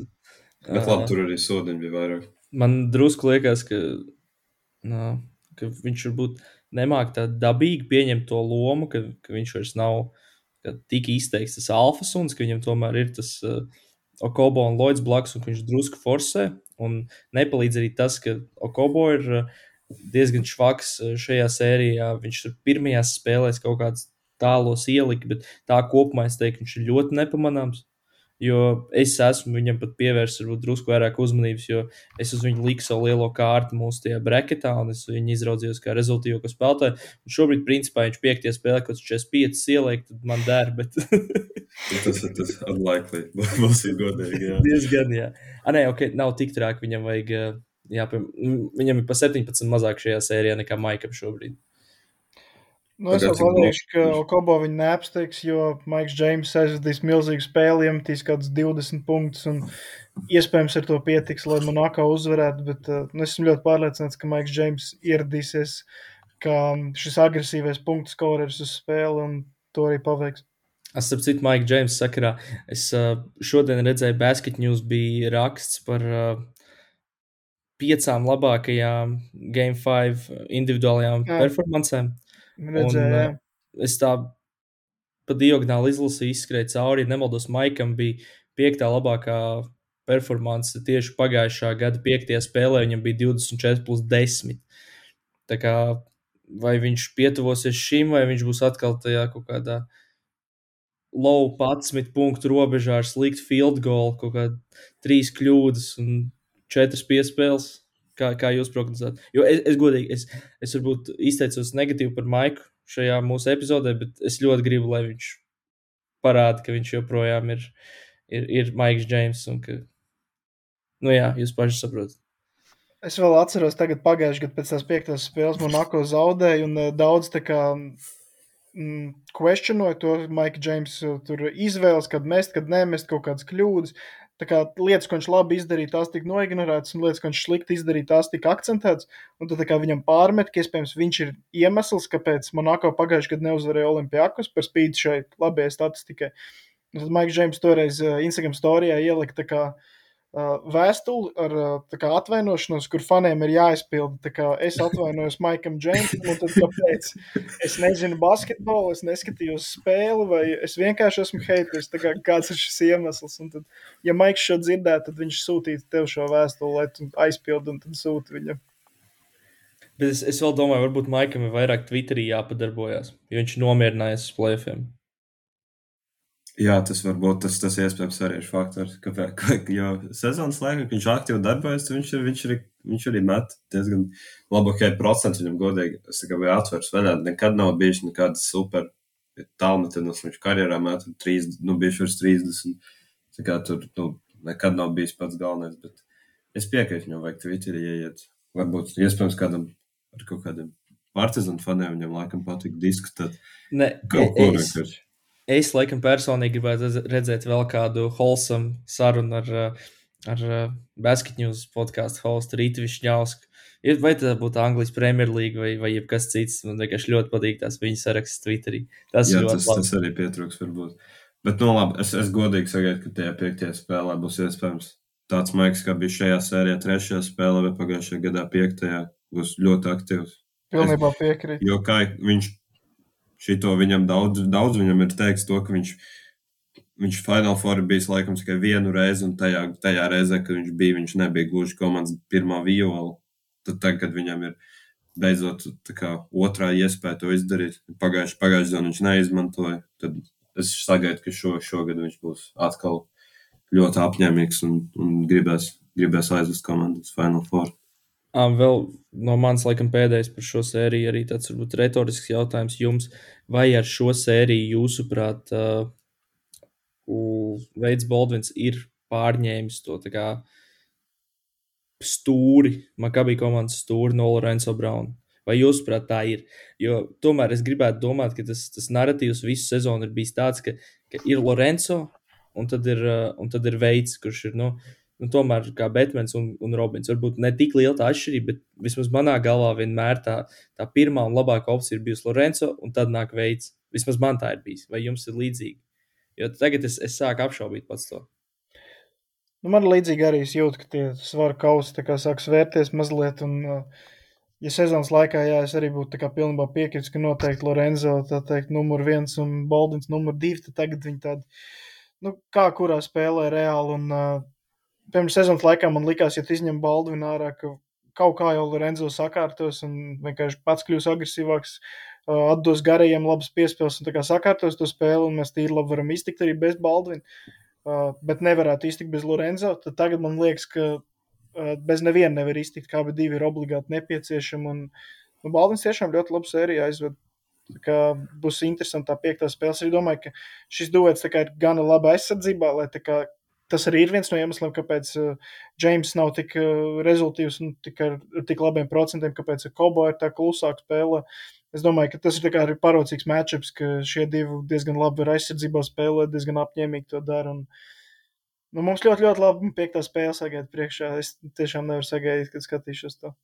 Ja es nemaldos, šiem abiem kungiem uh, izmērs ir krietni lielāks nekā Maika. Varbūt ne gluži krietni lielāks, bet vienkārši ļoti kā, Makabī, ne, uh, Monako neparocīgs. Jā, jā, jā piekrītu. Tā. Jā. Es, es par augumu runāju. Kā, jā. es domāju par kājas izmēriem. Ah, ok. es domāju, ka kājas izmēri būs lielāka. Tā vis, tas būtu tikai loģiski. Laikam. Tas būtu, jā. Lai Bet, gan no... Nu- es varu interesanti faktiņi ieplūgot. Um, es biju Milānā NBA veikalā pirms kaut kāda laika, un tur ir uzlikts tās bumbas, kur ir iespiestas tās plaukstas spēlētāji. Un man leģit ir viena izmēra plauks ar Paulu Čorģu. Mošs tur bija kaut kāds gluks, bet viņam ir nežēlīgi mazs plauks. Un tur bija blakus Kavāja plauks, Džona Vola plauks, tur bija kaut kas vēl. Tur bija Kavājam ir tiešām lāpsta. Viņš varētu kā, aizstāt kaut kādu buldozeru, kaut kādos rakšanas darbos, ja nepieciešams. Um, Džonam Volam arī bija samērā liela, manuprāt, bet uh, es, es neteiktu, ka man ir maza plauksta. Man tā kā ir normāli izmēra plauksts. Polam Džordžam tiešām nenormāli mazs plauksts. Es nezinu, kā viņš nu, kā strādā īsti. Man liekas, tas varētu izskatīties bišķi nedabīgi uz viņa ķermeņa, jo viņš tomēr kaut kāds 206. Kaut kas tāds jā. ir, jā. Es īstenībā esmu redzējis. Es esmu redzējis, kā Kavaja Leonards un Šaks saliek savus, Šakils un Ils saliek savus uh, plaukstus kopā, un uh, Kavaja Leonardam tā plauksts bija lielāka. Un vēl kaut kur redzēju attēlu, kur Pols Džordžs sit pieci, ka vai Leonardam, un tad piezūmots viņa abu rokas, un tur arī, nu, kā tēvs ar dēlu apmēram izsties. Tur es teiktu, sanāk, piemēram, tāds Bobans un, uh, un Kavājs varētu kopā nodrošināt kaut kādu, izveidot kaut kādu savu rakšanas kompāniju, kur viņi vienkārši ar rokām iet un roku. Nē, tiešām viss, viss ciet, ka vai par viņu labstam. Tas ir tiešām iespējams. Toņa Džekirī pieslēgt ar lielo enerģiju. Tur var normāli rācēt brigādi savāk. Ja jā, grib. jā, jā, tas ir opcijas, ir dažādas opcijas. Klausītājiem liekas drusku random, bet šīm tāda viena no mīļākajiem nodarbiem ir saucot random sportistus, kuri varētu izrakt labu bedri un kur būtu slinkot pie šīs procesa. jā, šis. Es nezinu. Nē, es domāju. Mums vajag šito kaut kādu, es domāju, mēs varam off-seasonam uh, Nē, nu mēs varēsim kaut kad nākamajā brīvdienā, nāk, no nu, kaut kad uz nākamajiem, nākamajiem podkāstiem, jo Final Four vēl būs jāpagaida kādu laiciņu. Es varu piedāvāt, uzreiz gluži. Es varu piedāvāt sagatavot, varbūt uh, Final Four, katrs savu lielāko racēju topu, kuram tu uzticētu savu pagalmā bēdri izrakt. Nu, kad, kad zināsim, kad zināsim visas komandas. Jā, jā, nu tad jācer, ka lielākie racēji tik, tiks līdz turienei. Tā tad uh, pēdējā sērija. Jā, nu es domāju, atkal Valtam jādod Jā. vārds pirmajam. Tomēr sezona tika pagarināta divas reizes. Nu, varēja Es- beigties, nebeidzās. Es varu iestarpināt nedaudz. Ja, piemēram, pēc tās pirmās nedēļas, man liekas, Valtam viss tādās melnbaltās krāsās rādījās, tad šobrīd viss krāsas spektrs ir. Kaut gan varbūt ne gluži viss, jo tur tomēr kaut kādas traumiņas un, un tādas lietas, bet, nu, katrā ziņā krietni, krietni spilgtāk ir. Nu, jā, bet tas tā kā jebkurā gadījumā pieņemsim, pat ja viņi kaut kā uzvarētu to, to sēriju. Tur tāpat šītam vismaz tuvāko gadu laikā vienmēr vilksies līdzi tas, kā viņi uzvarēja. Nu, būsim godīgi, nevajag kauties basketbola laukumā. Tas, tas tomēr, kā, kad cilvēki atcerēsies par šo sēriju, jo, kā mēs zinām, šajā sērijā būs kritīs viens no diviem rekordiem. Vai nu pirmo reizi uzvarēs uh, komandu viesus piekto spēli, pirmo reizi, kad atnāks atpakaļ no 0-2. Bet tagad tas, ko atcerēsies par šo sēriju, būs nevis viena no šīm lietām, bet tas, tas, tas, kas, tas, kas notika Madridē otrajā spēlē. Bet tā kopumā par šīm divām spēlēm, uh, es teiktu, ka īstenībā reāli kaut kādā veidā viņi dabūja vēl vienu nelielu. Teikt, papildus sodu par to visu, par tiem visiem brīdumiem, to kaušanos trešajā spēlē, ko viņi, es nemaldos, viņam otrajā ceturtajā jau bija mīnus 17. Es tagad neatceros precīzi, bet tur bija jau diezgan tālu viņam priekšā. Un, un uh, pats galvenais kausa Sergio Jūtas labāk, principā, būtu dabūjis diskvalifikāciju, jo tā, tā kā viņš spēlēja, viņš komandai īsti nepalīdzēja. Un, un tad viņš bija tāds vairāk, viņš man liekas, uznāca startā, nospēlēja kaut kāds 5-6 minūtes un vairs laukumā nenāca. Tad, principā, tas būtu savā būtībā partizānam pat palīdzēt, tas, ka viņam neiedod diskvalifikāciju, viņš bija tiešām briesmīgs. Bet, nu, par šīm divām spēlēm jāpiemina, laikam, zonas aizsardzība. Es godīgi neesmu redzējis, ka šādā līmenī sēktu zonas aizsardzību tā kā tādus ilgstošus periodus. Ir tīpaši, labi, nu viņi nesadz viņu visu laiku. Viņi tā kā tur uh, mainīja gan zonu, gan cilvēks cilvēku, bet es neatceros, ka pēdējais kopumā būtu redzējis, ka tā kā Eirolīgas līmenī komandas tā, kā, tā būtu bezmazliet pamatlieta aizsardzībā, tieši zona. Es, es varu atgādināt, nebija varbūt gluži Eirolandes līmenis, bet pirms desmit gadiem Rīgas vefiņa ar Ramonu Butotu pie ruļļiem šādi ar zonas aizsardzību izslēdz gan Valencija, gan Bilbao divās spēlēs. E, u, tas bija Ule Bērokaus, viena no, man liekas, no tuvu playoff fāzē. Man varbūt to, to, to es tik, tik labi neatceros. Bet tā šitā par šīm spēlēm, principā par abām divām spēlēm jāpiemina viens spēlētājs, kurš principā ir pa iepriekšējām divām spēlēm, bet nospēlēs vienu puslaiku. Valters Tavares, viņš ir fantastisks. Viņam, ok, pirmajā spēlē viņam vēl bija bonus, viņš nav, nav Lasords, un tad principā Partizānam nebija nekāda garie, ko liekt viņam pretī. Jo arī tās pats Smailagičs, tas pick and pop, tā kā vienu brīdi, kad viņi nedaudz samainīja aizsardzību, tas vairs arī nestrādāja. Un tad savā būtībā tur Tavares aizsardzībā bija lielisks, kā vienmēr. Un uzbrukumā ir tīpaši, man liekas, trešajā spēlē. Galotnē, kaut, nu ne galotnē, otro puslaiku tas uzbrukums kļūst relatīvi primitīvs, manuprāt. Viņi nospēlē pick and roll, meta varas iekšā, jo viņam ir mīsmaņš pret jebko. Burtiski tajā partizāna komandā, kur nav Lasors, tur ir jā, mīsmaņš pret jebkuru citu spēlētāju viņam. Un tad viņš tur vienkārši darīja, ko gribēja. Es gribētu atzīmēt vienu citu dūzi, otrā nometnē. Es saprotu, ka netiek otrai nometnē pievērsta tik liela uzmanība. Zeks, Zeks Līdais. Es neatceros, kad es pēdējo reizi būtu redzējis tik dominējošu divu punktu metienu procentu. Vienīgais, kas nāk prātā, ir Andrijs Mīškū 14 finālos, ja nemaldos 11, 11. nu, nē, ko jūs smējaties? Es. Nē, tā ir, jā, vienkārši es negaidīju šo piemēru tieši. Bet es citus piemērus nevaru nosaukt. Kad jūs esat redzējuši, ka tiek izmests virs desmit divpunktniekiem un tur pie 90% precizitāte ir?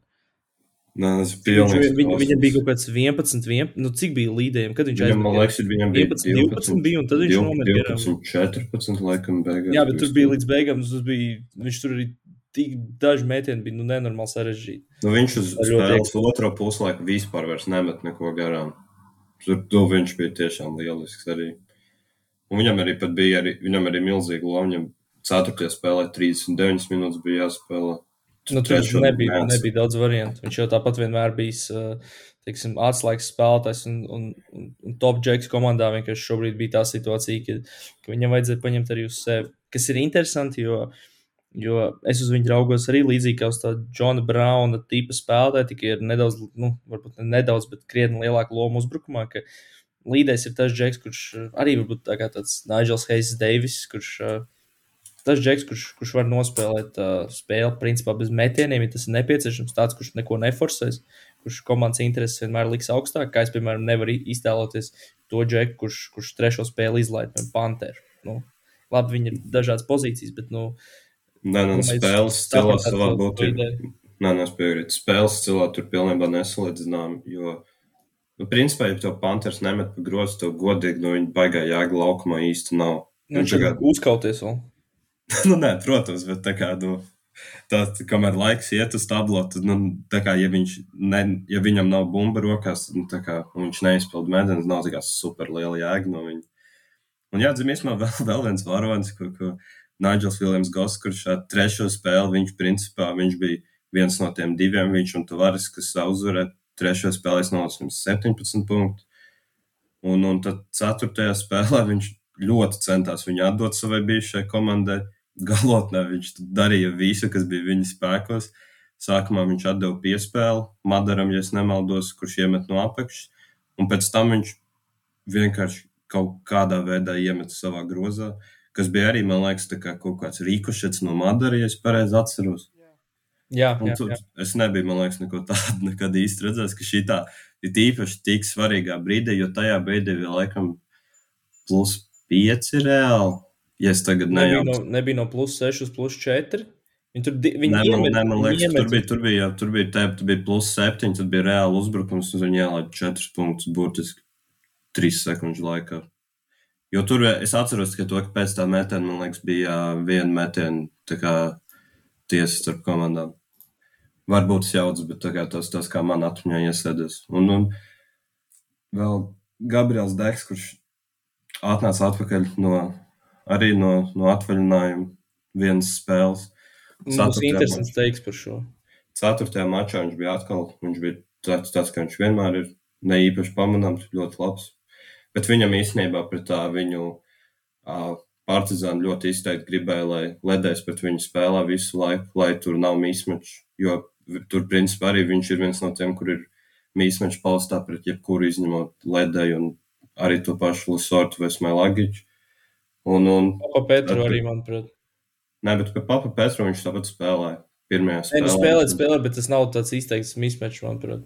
Tas vienkārši, ka tu izvēlēsies, varbūt pret viņu spēlēt, viņš nav būt super labākais aizsargs, bet tīri pēc kaut kādām fiziskajām parametriem tur nav, manuprāt, nekas, nekas kur tu vienkārši tu redzi to un tu uzreiz gribi, lai viņš tur bulijo apakšā.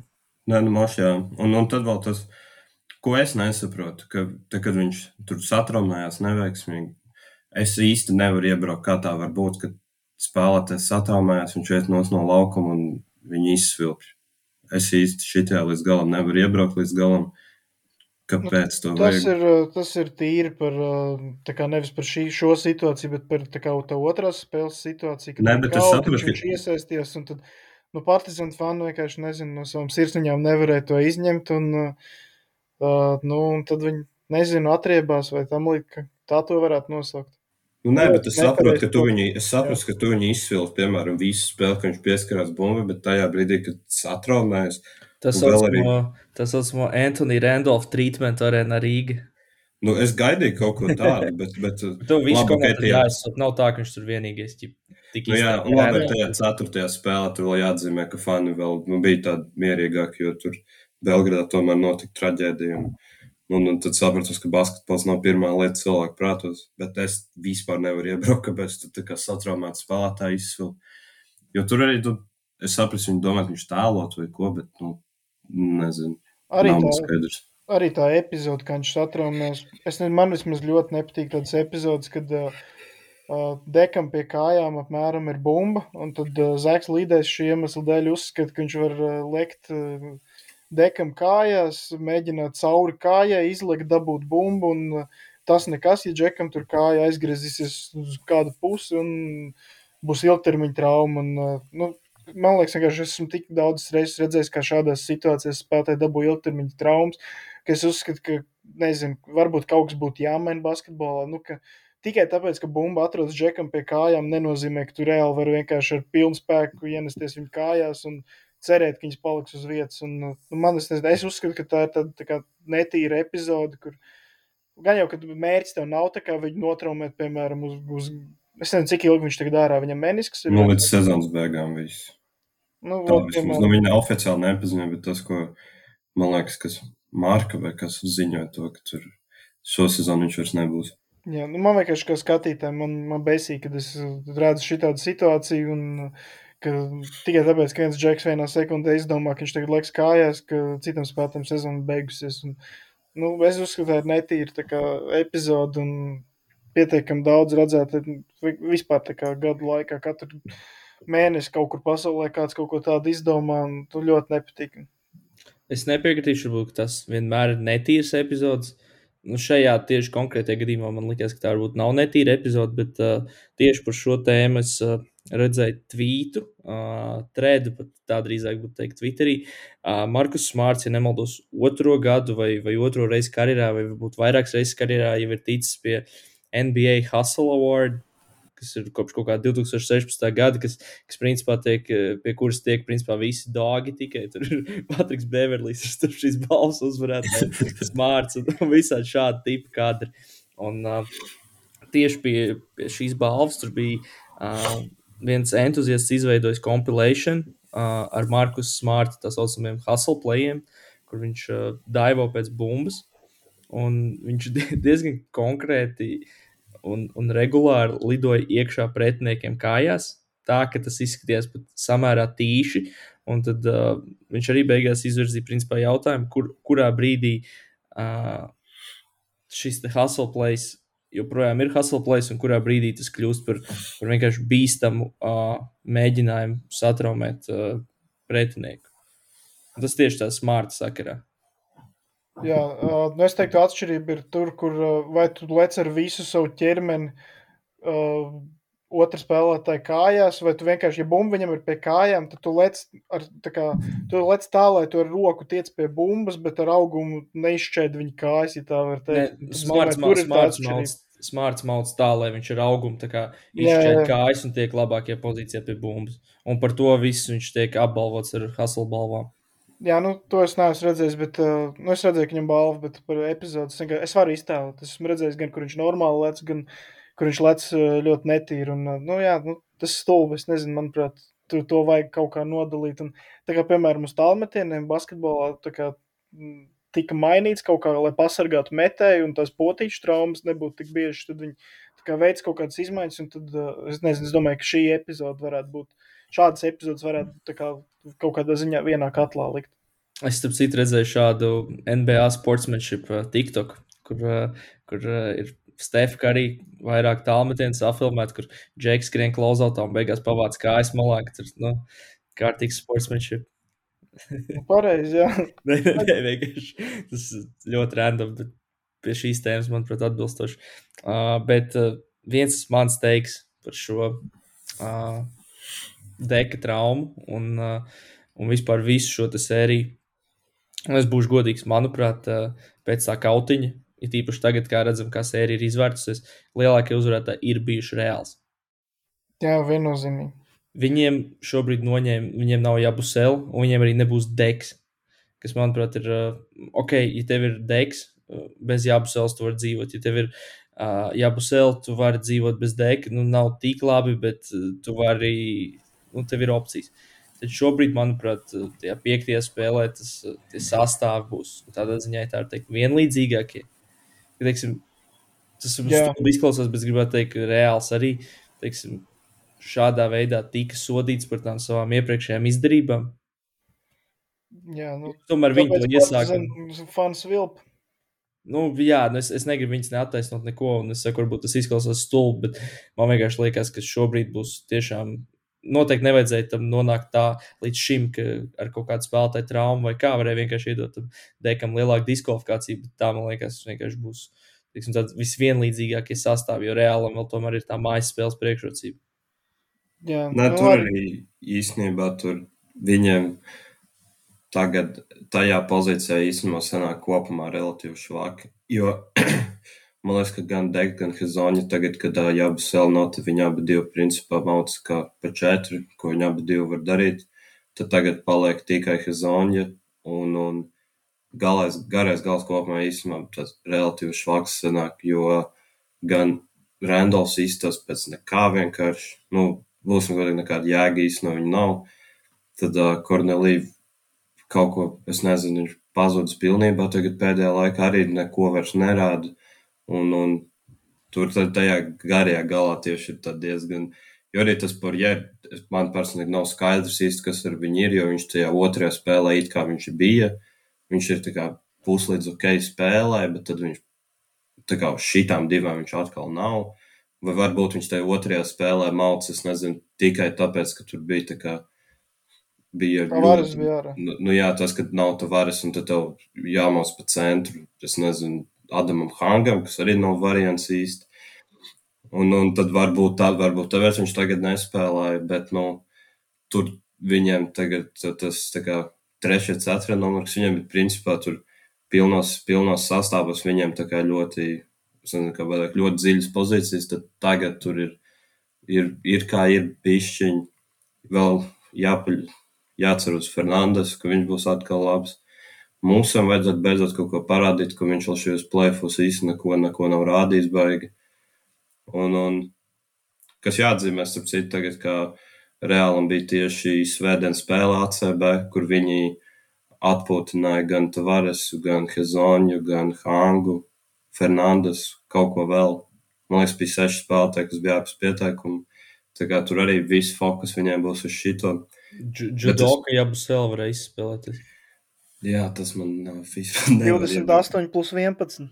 Bet par šito es īstenībā gribēju paslavēt reāli, jo es, piemēram, kad es skatījos kalendāru, tad Adrijas līga ir diezgan konkrēti pielāgojusi šo kalendāru Partizānu plēsoņiem Eirolandā. Tieši Partizāna sērijas sakarā, tad Partizānam tur nebija pilnīgi neviena Adrijas līgas spēle starpā. Viņi nospēlēja pirms pirmās play, Eirolandas plēsoņu spēles, viņi nospēlēja pēdējo regulārā sezonas spēli Adrijas līgā. Un tagad, ja man liekas, šovakar tieši Zvezda sāka savu plēsoņu sēriju Partizāns vēl gaidīs, kamēr izspēlēs uh, Eirolandu. Tad uh, Reāls tādā ziņā labi tika galā ar to, ka viņiem bija ļoti spēcīgs pretinieks. Uh, tajā svētdienas spēlē, kad tā bija svētdiena, ja viņi spēlēja yeah. Malagas Unikā. Uh, un, un tur es gribētu oponēt Valtam, kurš saka, ka varbūt nav vairs tas izteiktais sastāvdaļas dziļums. Ok, protams, nu, uh, ja tev ir uh, jāliek sastāvā tas Krievijas demons. Uh, Elīze un Dijai, tad tur bija vēl viens kaut kāds 17-gadīgais, kaut kāds senegālietis. Nu, tur bija viss kaut kāds. Hugo Gonzales, viņiem principā četri spēlētāji bija pieteikumā. Nu jā, nu, ok, labi, tu tur, at, at, tur uh,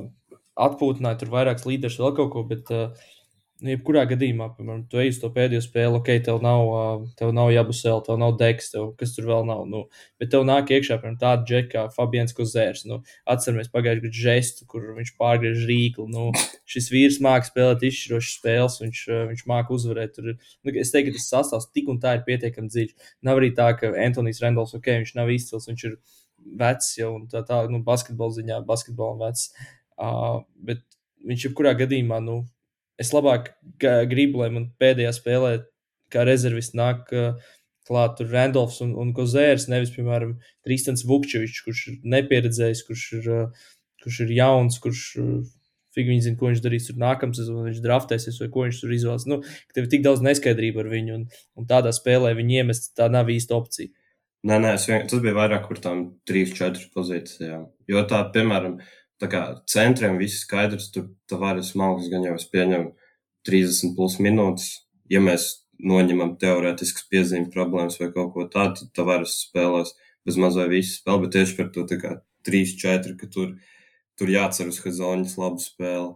Jo viņš, viņš tāds, diemžēl, relatīvi nestabils ir. Un, un tur es tīri par to, ka kā, tur tas dziļums nav tas, kas viņiem pirms tam bija tās bez maz vai labākās pozīcijas, ka tur tagad tas ir nedaudz pazudis. Bet labi, tur kā, tas, tas ir viņa problēmas, jo nav tā, ka partizānam tur būtu daudz vairāk opciju.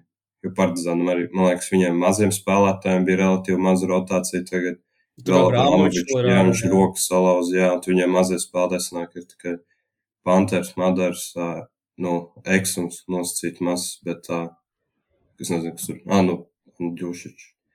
Tā kā tur arī nav tā, ka tas vienkārši priekš reāli standartiem. Es domāju, ka viņiem ir tagad tur maz opcijas. Nē, priekš viņu standartiem, jā, bet es saku vēlreiz, viņiem ļoti palīdz tas, ka viņi ir tik dziļi komanda un ar tik uh, talantīgiem jauniem, ka viņi var atļauties reāli. Ok, labi, viņiem tur ir playoff garantēti, viņiem ir mājas spēļu priekšrocība garantēta un tā tālāk, bet jebkurā gadījumā unikāk viņas izslēdz karaļkausā. Ja? Jā. Nu, it kā tādā spēlē, kur tu gribētu atriepties, ok, viņi tur beigās uzvar vēl kaut ko svarīgu spēli, principiāli vēl kaut kas, ka tu vari reāli uzvarēt ar, ar sešiem džekiem un četriem jauniem. Jā, nu, tur arī bonus, ka viņi varēja Habibu laist laukumā. Man liekas, viņš kaut kāds 38 minūtes nospēlē. Nē, nu, jā, tas... Viņam nav nekam jāgatavojas, ka tu vari, viņam tagad ir principā reizi nedēļā jāmāc. Un tur tagad tas ir. Bet es, es, es joprojām nevaru saprast, kā viņš var spēlēt. Nē, nu, mēs varam viņu gaidīt, sagaidīt arī laukumā nākamā gada pirmajā kārta. Nu, iespējams, jā. Bet, bet nu, es, es, es šito vispār. Es... Ļoti vīlies, tiešām. Es gribu jums arī pajautāt, varbūt fakts, ka tu vari Unikahu vinnēt ar četriem spēlētājiem un jaunajiem, kā arī divreiz uzvarēt Belgradā pie tās trakās atmosfēras. Varbūt to visu var izskaidrot ar to, ka pie stūres ir fantastisks speciālists, treneris. Īsumā runājot par speciālistu, es kā par tieši par playoffiem, ir tīpaši 3. un 4. spēli. Es viņu tiešām varu uzslavēt. Jo arī, un īsumā par to Malagas spēli, kas arī ir jāpiemina, jo, jo nu, tur, ka viņ, viņš ir izslēdzis šitā relatīvi izdarījis kā, labu darbu kopumā. Jo tajā arī tajā trešajā ceturtajā spēlē tas tā kā. Es tomēr gribētu teikt, ka likt zonas aizsardzība ir relatīvi drosmīgs risinājums šādā līmenī. Jo tā kā, nu, ka zonā standartā ir zināms to, ka tu būsi vairāk brīvu metienu, un Eirolandā, kā mēs zinām, lielākajā daļā komandu, teiksim, 10 no 12 spēlēm tev var mest trojkas, plus mīnus. Un uzlikt kaut ko tādu arī tomēr nedaudz drosmīgi. Ne, es, es piekrītu, ka, ka var mest trojkas, bet es teiktu, tādā partizāna sakarā tieši es varētu, es pat nezinu, kurus es varētu izcelt tādus, kā tiešām ļoti bīstams, no kuriem es negribu dabūt trojku. Nu, viens ir uh, Panthers, Nanalīs, un tad Bet... pārējiem es varētu. Nē, nu, Andžūšiņš labs ir Mantars Radiemis. Smailagičs met pie 50%. Andžūšiņš ir principā lomas spēlētājs šajā komandā, kuram nebūtu gandrīz nekāda loma uh, šajā sērijā, ja Vrāmovičs nebūtu notraumējis. Arī, jā. es esmu tāpēc... diezgan pārliecināts, ka tā zonas aizsardzība tā tik izteikti izmantošana arī notika tieši tāpēc, ka Eirolanda Madrids reāli pasniedz dāvanu, un uh, Kevina Pantera izrādīja uz divām spēlēm, un tieši tāpēc tā partizāna ārējā līnija kļuva daudz vājāka. Uh, Madrids reāli varēja uh, kā, daudz drošāk uh, ļaut ar kaut kādiem spēlētājiem izpildīt tos tālos metienus un vairāk palīdzēt uz Lasorta apakšā, uz Eksu un apakšā un tādām lietām, un daudz vairāk tā kā riskēt ar to zonas aizsardzību. Piemēram, tagad piektās spēles kontekstā, kad beidzot Kevins Panters atgriežas, es joprojām esmu mazliet atsapies, ka viņš nespēlē ceturtajā spēlē. Es uzskatu, ka bija jādod iespēja viņam uzspēlēt vēl Belgradā šogad, ka viņš neko tik traki nav izdarījis. Bet tagad šajā pie, piektās spēles kontekstā es uzskatu, ka tā zonas aizsardzība tiks pielietot daudz mazāk un cits spēles plāns ir jāgatavo. Jo Kevins uh, Partizans ar Kevinu Panteru un bez Kevina Panteru, manuprāt, ir divas dažādas komandas. Jo tā ārējā līnija viņiem nav tik stipra, un viņiem vajag to uh, meistarīgo skoru. Tur. Es arī šaubos, ka Partizāns uh, vēl vienā spēlē metīs ar uh, 6, 23, 1 un 10, 29 otrā, un tie kaut kādi 30% summā. Ļoti slikts procents. Nē, varbūt, bet tā, nu, vēl arī zonā viņam tomēr tas bonus to, ka tev, tev nav tik ļoti, tā kā tu vari vairāk koncentrēties uz tiem, kas ir ārpus. Uh, Jo, jo tā kā, tā, kad kāds ieiet soda laukumā, tev ir viens 2,90 tornis, kas tur, kas var, principā, vienīgi nosaka gan soda laukumu, gan vēl savu spēlētāju paņemt. Un, un tas, tas arī tomēr diezgan labs bonus, kas to komandai aizsardzībā ir. Un plus vēl īstenībā tas, ka tagad, kad sēž zonas aizsardzība, tad arī uh, Sergio Rodrīgas ir puslīdz izmantojums. Jo viņš, tā kā, kā mēs zinām, viņš viens pret vienu aizsardzībā ir tāds, nu, kā lai pasaka, netik labs. Un, un šī tādā, šī tādā tas, tā kā, nu, tas loģiski nav tik daudz pamanām. Un... Kāds jums prognozes, kas uzvarēs piekto spēli? Es īstenībā es gribu varbūt uzreiz par visām spēlēm pavaicāt. Es zinu, Norčam ļoti patīk tas mājas spēļu faktors. Nezinu, kā, kā, kā prognozēs valsts, bet uh, nu, paši zinām, ka ir 15 Game 5 bijuši, kuros visos līdz šim ir uzvarējušas mājas komandas. Un es gribētu prognozēt, ka divas no trīs spēlēm uzvarēs viesi. Man prognoze būtu šāda: Monako, Partizāns un Feners ļoti unlikely, es zinu, bet. Uh, es drīzāk, es drīzāk gaidīju, ka tu teiksi, ka Makabī var paņemt Monako. Un, uh, Ap, īstenībā viena lieta, ko mēs tur pat Monako... visas trīs tu vari pielikt. Ja Nē, protams, jā, bet uh, mēs Monako sakarā aizmirsām pieminēt to, ka viņiem neatceros precīzi statistiku, bet viņiem tas bija ne tikai viņiem, bet kopumā tas bija viens no lielākajiem zāģiem Eirolandes playoff vēsturē. Tas bija tā otrā spēle, bija tiešām apkaunojoša. Viņi arī ielaida, ja es nemaldos, trešo lielāko ranu, jebkad Eirolandes. 20-0, tas bija 2,5 minūtes, ja tas bija drausmas. Jā, jo bija, man liekas, tur bija tā kā divi lielākie rani, kas, kad bija bieži bija 22-0, un tad bija 3 ar 20-0. Kā... Bet tas ir, eh, tas ir tā kā rāns, kāds ir bijis, uh, konsekutīvi iemetot punktus, vai, vai tas ir arī ņemot vērā tur kaut kādu laiku, cik ilgi, jo šī reize bija toči divi ar pus minūtes, ja nemaldos. Nē, nu tas kā rāns, kā rāns, kā rāns vienkārši tā kā pēc kārtas punktu. Es tādu, nu, vismaz tā kā. Šis varētu būt tā kā ātrākais un lielākais reizē. Jo tiešām labojoties kļūdos bija kaut kāds divu pus minūtes. Tas ir nereāls tempos, jā. Bet labi, es īstenībā to, ka divas no trīs uzvarētas, es īstenībā varētu piekrist. Man tur tā lieta, ka šitās trīs sērijas būtu relatīvi grūti pateikt, kuras, bet tas tā kā vispār nebūtu pārsteigts, ja uzvarētu divas viesu komandas. Iespējams, visas trīs. Un, un es laikam, ja man būtu, ja man būtu jāsaka, es teiktu, ka Makabī un, nē, labi, es likšu prognozes Partizānu. O, kas notiek? Kas Pēr... notiek? Pagaid, pagaid. Kas... Paga, nē, nē, nu, es vienkārši tā, es tagad esmu tāds relatīvi tā, tā pesimistisks noskaņots. Viņš, viņš dara to pašu, ko es darīju ar virtus sezonas laikā. Tas ir tāpat. Nē, nē. Tad, tad nu, nē, nu, man, man ir tā kā man, man ir vienkārši, es, es jau minēju, man, manas šaubas par šo spēli, un viņas visas vēl paliek. Kā, jo, jo principā tagad ir tev palikuši tavares, kurš ir vienīgais, vienmēr uzticams un stabils. Un visi pārējie vairāk vai mazāk ir wildcard, jo tas pats mūsu, kas ir komandas rezultāts kas spēlētājs, uz ko tev tehniski vajadzētu varēt paļauties visu laiku, viņš nav īsti līdz galam faktors. Man liekas, viņš tajā Ceturtajā spēlē viņš kaut ko samet, bet trešajā viņš uzkrāmē trīs airballu trojkas, kas ir vienkārši man, es nevaru iebraukt šitajā visā līdz galam, kā, kā tā var izdarīt. Un viņš vienkārši milzīgi vilšanās plēfos. Viņam arī pirmie plovi, ne? Nu, viņš tehniski FSB. Nu, labi, nu, tā neskaitās. Es domāju, tāda reāli pirmie. Nē, tā kā īsti, īsti plēfi viņam pirmie, un var redzēt, Viņam arī tiešām paslikti laikam nāk tas, ka viņam tos sodus nedod tik brīvi, kā viņam visu laiku deva, un tad grūti pierast pie tā. Bet man tas kā līdzekļiem ļoti patīkami. Jā. ja atgriežamies pie tām piektiem spēlēm, kā jau minēja Feneram, es uzskatu, ka nav variantu pret Olimpijākus, bet uh, divas no trijām es domāju, ka ir iespējams. Uh, es teiktu, ka Monako uzvarēs mājās, bet uh, nav tā, ka būs šokēts, ja Makabi uzvarēs. Bet uh, par šo spēli man piekto partizinam ar Reāli man tieši liekas interesanti, jo, uh, lai tā kā sumarizētu visu sērijā notikušo, es teiktu, ka pirmajās divās spēlēs Partizans parādīja pārliecinoši, ka šajā momentā, šajā sezonas brīdī viņi bija labākā komanda sērijā. Tad uh, notika kautiņš, un divi viņa galvenie spēlētāji tika izraidīti.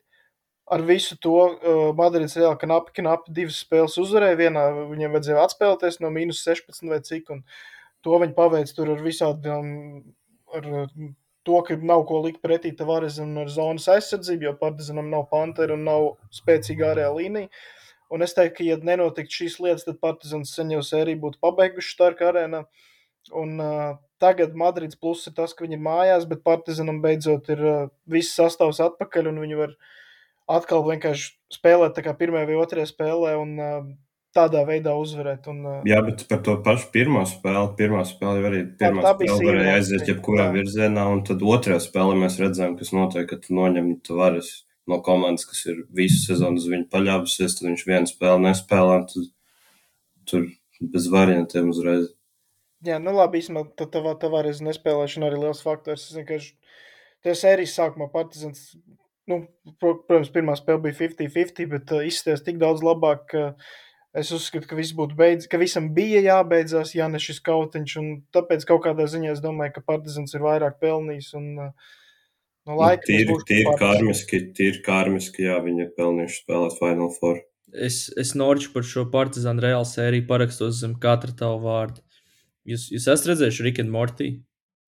Mm, minimāli. Liela, liela, nu, viņi, liela, kodas, viņi tur kā, kaut kādās atsevišķās sērijās, man liekas, viņi tur ceļo pa tiem paralēliem visumiem.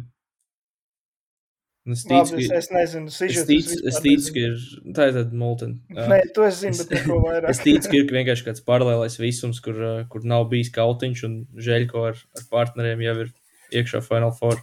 Viņi jau ar šāras tā kā sēž kaut kādā kafejnē. Jā, jā, jā. tā kā priecājas, ka Madrids reāli šeit nav, bet mēs abi esam.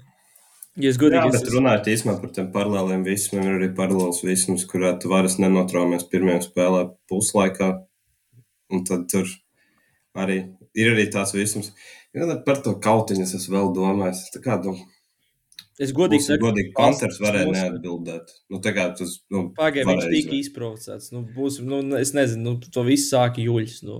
Nē, nē, es, piekrītu, nē, nē, es piekrītu, bet es domāju, ka Kautiņš pagriez visu sēriju par labu reāli, visas tās divas spēles. Jā. Ja, ja nav Kautiņš, viņi nekādā veidā neuzvar divas spēles Belgradā, tas viņš fiziski nav iespējams. Labi, nē, tā nevar arī teikt, nu, tas ir baigi skaļi teiks, bet es saku, es neredzu variants, kā viņi uzvar divas spēles Belgradā, kad nav bijis Kautiņš.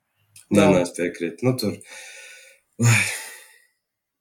Es, tā, es kaut kādā ja es, ja es būtu neitrāls līdzekļs, noteikti būtu par partizānu, bet es, diemžēl, neesmu neitrāls līdzekļs. Bet es tā kā nokūtu, noteikti viņi būtu pelnījuši. Jā. Nu, labā ziņa arī, ka mūs sagaida lielisks pusfināls, jo Barcelona jau pa visu ir parūpējusies, un mums ir vai nu vēl klasika, vai Šāras pret Žēļko, kas jebkurā gadījumā ir uh, laba lieta. Un, uh, Ah, un vēl viena priekšrocība, kas reāli bija trešajā spēlē, ka Partizanam nemaz nevajadzēja uzvarēt, jo viņi negribēja spēlēt pusfinālā bez Pantera. Un tad trešajā spēlē Partizans. Kāpēc, nu, labi, bet nu būsim godīgi komandas speciāli. Nezinu. Nu, labi, būsim godīgi tā kā komanda. Tu nevari speciāli atdot, jo tur arī ir kārma, tomēr strādā visi šie spēki šajā visā. Tā, kad tu sāc kaut ko rēķināt, kurš varēs, kurš nevarēs spēlēt, tad arī rodas problēmas vienmēr beigās. Jā, nu, bet... tas ārpus basketbola lietas ļoti, ļoti, ļoti ir iespējams šī sērija. Arī, traumas, arī tagad deka trauma ir faktors. Gan traumas, gan izrādījumi un tik daudz lietas, kas maina. Ka ir ļoti interesanti un tiešām tās teorijas, kā būtu, ja būtu, var simtiem izveidot. Man liekas arī, ka tas, tas traģēdijas arī, kas tur paralēli notika, arī kaut kādu lomu spēlēs mums kādiem sērbu spēlētājiem, jo tas tiešām, nu, pilnīgākais drausmas, kas tur notikās. No, tur arī varēja, varēja redzēt, tie pašā pirmkārtās, ka ceturtajā spēlē tie fani bija kā, nu, krietni mierīgāki. Un, un Neviens vairs negrib pat... ar, ar akmeņiem mest reāli spēlētāji. Jā, tas arī, un tas, ka viņi komandu, partizan kā komandu ceturto spēli, viņi arī iesāk, iesāk ļoti vāji. Salīdzinām ar to, kā viņi pirms tam bija visas iepriekšējās iesākuši. Un, un, nu jā, tur šī tā sērija nekad, man liekas, nav redzēts, ka tik daudz ietekmētu sēriju lietas, kas nenotiek laukumā. Nē, tas vienkārši tāds atgādinājums, ka, lai kā varbūt dažreiz gribētos, bet uh, basketbols tomēr nav viss dzīve un ir krietni lielākas lietas par to. Uh, bet no tāds pozitīvāks prizmas. Nē, tas īstenībā tas nav diezgan pozitīvi. Eirolandes sakarā, ko es vienkārši gribētu ļoti nopelt, ir tas uh, Franču, Francijas uh, tiesību turētājs Eirolandes. Es lasīju, ka viņu dēļ uh, nācās mainīt uh, spēļu laikus, un tāpēc mums divas piektās spēles pārklāsies. Eirolandes sākotnēji bija iecerējusi ielikt laikam vienu spēli pēc Centrālā Eiropas laika septiņos un otru deviņos, kur teorijā, ja tur nav kaut kāda baiga overtime vai kas, tu, tu paspēji noskatīties abas, un tad šie franču tiesību turētāji sacēla kaut kādu traci, un es nezinu, kas īsti notiek Francijā tajās dienās vai kas, tad, diemžēl, mums būs šīs spēles ar stundas atšķirību Makabī Monako un, un Reāls Partizans. Jā, jo man, man liekas, bija tieši tā, nākamā spēle bija paredzēta stundu agrāk. Laikam, jā, jā, jā. jā tad viņi izdomāja, ka vajag. Nu, jā, tas, tas tur īsti tur, tur nebija, cik es lasīju, tur nebija paskaidrots, kāpēc. Vai, nu, vai Nē, tur viņi teica, to, ka tā, tur bija aptuveni kaut kas tāds, ka viņiem ir tā, ka bez mazliet nu, tur izvērtināts to, ka kā, ir tie laiki, kad ir lielāks. Kā, ah, prime time. View, ja, tā kā lielāks viewership, un tas ir stundu vēlāk. Un, un tāpēc, tāpēc tā spēle sākas astoņos, nevis septiņos. Bet, nu, tas es tā arī. Es nezinu īstenībā, kāpēc Eirolandā tāda īsti dod ies tik liels iespējas, ir tīpaši playoff laikā tiem broadcasteriem pašiem izvēlēties tos laikus. Jo tā, man liekas, šito tomēr Eirolandā vajadzētu sev atstāt kā iespēju, nu, vismaz salikt, lai, lai visus var redzēt. Jo tas ir bijis īstenībā visu šitas. Uh, visas šīs divas skaistās basketbola nedēļas, ka nu, nav iespējams redzēt visas spēles. Kaut ko to vajag skatīties vai nu ir uz sāniem, uz otru ekrānu vai atkārtojumā, vai vienalga kā, bet nu, tu nevari redzēt abas divas spēles tā kā normāli laivā. Un, un, un vēl, protams, nepatīkam, ka Olimpijāks ar Feneru sakrīt ar Eirovīziju. Tas arī sāpīgi. Nu, tur uh, Tur sakrīt uh, 4. un 4. galotni, ja nemaldos. Jo, principā, principā Eirovīzija ir pēc Latvijas laika desmitos un uh, Olimpijākos ar Ah, no, 9.30 pēc Latvijas laika. 8.30 pēc okay. centrāla Eiropas. Ah, ok. Speciāli ielika, lai pārklājās, kā jau tiešām parasti. sakrīt, jo, jo reāli es, es jau tikko gribēju teikt, ka, ja piepildās Norčs scenārijs, tad tur var ceturto slēgt ārā un, un pieslēgties Sadenlaits. Ar kur numurs ir cits? Ceturtais numurs. Ah, nu tad īstenībā tas reāli pārklājās konkrēti ar Eirovīziju. Nekās Olimpijākas jau nokārtos pirmajā halfā. Tad, tad, uh, Manchester Tur pat nevajag pirmajā kēpā, tur principā pirmajā ceturdaļā, vai līdz otrās ceturdaļas vidum, vai vismaz jau būt skaidram uzvarētājiem. Pagaidiet, man liekas, abās regulārās sezonas spēlēs tā jau bija, ka jau bija kaut kāds plus 20 pāri jau otrās vidū. O, nu Jā, bet playoff ir playoff. Bet tad sanāk, ka, piemēram, Manchester City pret Madrids Reāli, kam ir, nu, būsim godīgi, kases grāvēja potenciāls. Mēs rīt vienkārši to pilnībā ignorējam. Es būšu godīgs, es visticamāk, es domāju, ka man, man, man būs uz viena ekrāna basketbols un uz otru Eirovīzija, un Eirovīzija būs ieslēgta skaņa. es bez to, to nu Jā, jo Eirovīzija tā bez skaņas, tad diezgan, diezgan, diezgan debīli skatīties. Basketbolu bez skaņas vēl var iztikt tehniski. Bet es teiktu, ka kases grāvēju mēs, mēs reāli izlaižam un skatāmies. Varbūt, nu, mēs esam, nu, es, es domāju, ka es uzskatu, ka mēs esam basketbola mūzikas cilvēki pirmkārt, un pēc tam nāk vispārējais. Tur varētu īstenībā tā priekš šeit tik daudz funkcionāliem cilvēkiem, kā mēs, tad varētu pirmo noslēgt pa nulēm, lai viss aiziet uz atbildes maču, kas ir laikam pēc nedēļas. Tas būtu ideāli, jā. Tagad pirmā spēle Manchesterā vai Madridē notiek? Man liekas, ka Madridē.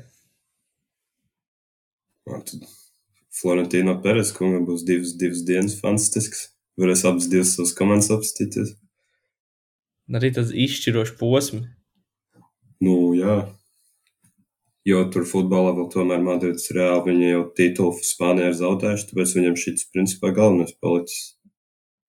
Valtu futbolu arī tikpat kaislīgi atbalsta Madrids reāli? Nē, man fu kaut kā man futbolā ir godīgi, man tās komandas principā mainās reizes gadā. Principā. Tie, kas ir labi, tie man patīk, jo futbolā nav, nav tik izteikti. Tikai ja mēs, mēs par šito, mēs par šito esam, es esmu valsts tā kā dīdīs. Uh, Eh, kad mikrofoni ir izslēgti. Es nesaprotu, kā var, kā var būt futbolā vairāk par Barcelonu. Tomēr. Nu, nē, nu, futbolā man nav, es nezinu, man kaut kā tā kā tur, man tas tā nedaudz vienalga. Man godīgi ir tas, ka man Messi patīk.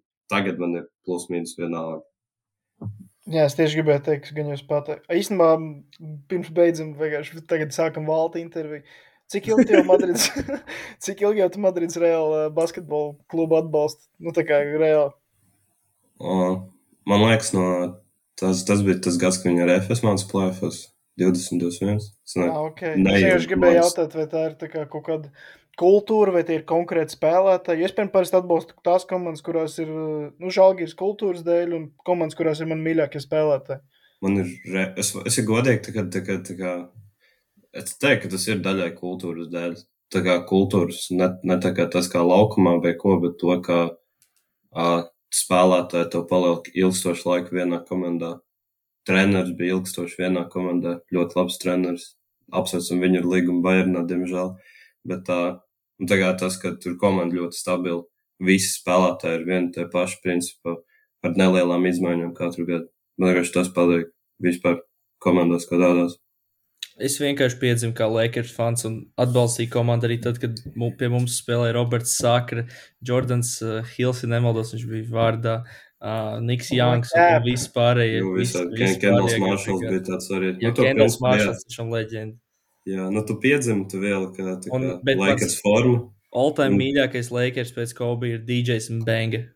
Tas man li- tiešām izteikti. Un Ronijs Turjevs arī īstenībā. Man tad vēl viens provokatīvs jautājums. Ja Tā kā tu piedzimi kā Lakers fans, tad tas ir iemesls, kāpēc tev Kevina Gārneta glābj. Kevin Garnett bildi pie sienas. ir- Tagad mēs ierakstām, mēs kamerā tevi redzam, un es redzu Kevinu Gārnetu arī vienlaicīgi. Tas ir iemesls.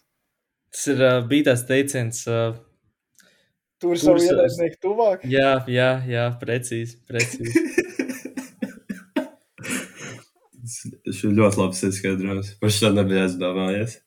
Nē, bet, ja tā pavisam godīgi, tad uh, labi, es varbūt nepiedzimu gluži kā Lakers fans, bet kopš es vienkārši sevi atceros, kopš es atceros, ka es sekoju NBA, es vienmēr esmu bijis. Vienmēr manā asnīs ir bijusi violetā un zelta krāsa. Tas gan jau vairāk arī Kobe daļas pieņem, ne? Jā, nē, nu, protams, jā, vienkārši. Nu, jā, principā sākās ar viņu, bet tad ar, ar laiku sapratu, ka tā ir tā, ir tā īstā komanda. Nu, Es nezinu, es, es nevaru iedomāties, arī es būšu godīgs. Tādā ziņā varbūt bijis tā kā būt kaut kādos citos sportos, bijis bandwagoners, un es īsti nesaprotu, kā tur fanot par small market team Latvijā. es nezinu, nevienu, kurš ir Charlotte Hornets fans, piemēram. Nu, kā būsim godīgi, Jānis aizies prom no Milwaukee. Latvijā arī vairs nebūs neviens Milwaukee fans. Nu, Protams, ne. Jā. Es tādā ziņā apbrīnoju, es zinu, dažus cilvēkus, kas uh, fano par samērā maziem futbola klubiem. Tottenham, piemēram, ir. ir Nē, nu, labi. Tottenham vēl tā, tas jau vairāk mīmīms, bet uh, es tiešām apbrīnoju tos, kas, uh, zinu, ir cilvēki, kas fano par Londonas Fulham, uh, Liverpools, Everton. Nu, tas ir kā ir vēsturisks komandas, bet uh, tādā Premjerlīgas līmenī viņas vai nu ļoti sen neko nav izdarījuši, arī šobrīd viņam ļoti maz izredzu. No Everton nākamā sezona Championship līmenī varēs kaut ko izdarīt. šovakar Brightons sapradāja, tur ir pagaidām viņi ir virs ūdens. Bet, nu, tur, jā, labi jau aizpildējām, laikam jābeidz. jā. Nedaudz, nedaudz minimāli, jā. Bet, nu, tad, principā, tā kā novēlam veiksmi jā, visiem komandām. Starp citu, vēl, ja es nemaldos, šo piegājienu Svedenu Champions League Final Four basketbolu, Malagā notiks, ja nemaldos. jo Un, atbalstīsim mainiekus. Mariks Meijers spēlēs. Nu, vienalga, es nezinu. Malaga man arī eh, es patīk. īstenībā, es īstenībā es par šo biju galīgi aizmirsis. Paldies, ka atgādināji. Es ieteiktu pieslēgties, jo uh, tiem, kam interesē, jo tiešām Champions League ļoti aizraujoši basketbols, ja godīgi. Es nemaldos, nebija pirmajā pusfinālā, nu, nevienā no pusfinālām bija Bonara un Kahu, vai ne? Vai es Es jau, neatceros tos pusfināla pārstāvjus, es nepateikšu tagad. bet, jā, bijušies Vēnspilnieks, Tīģa Šorts, Malaga, Potenciāli nākamais Eirolandes basketbolists.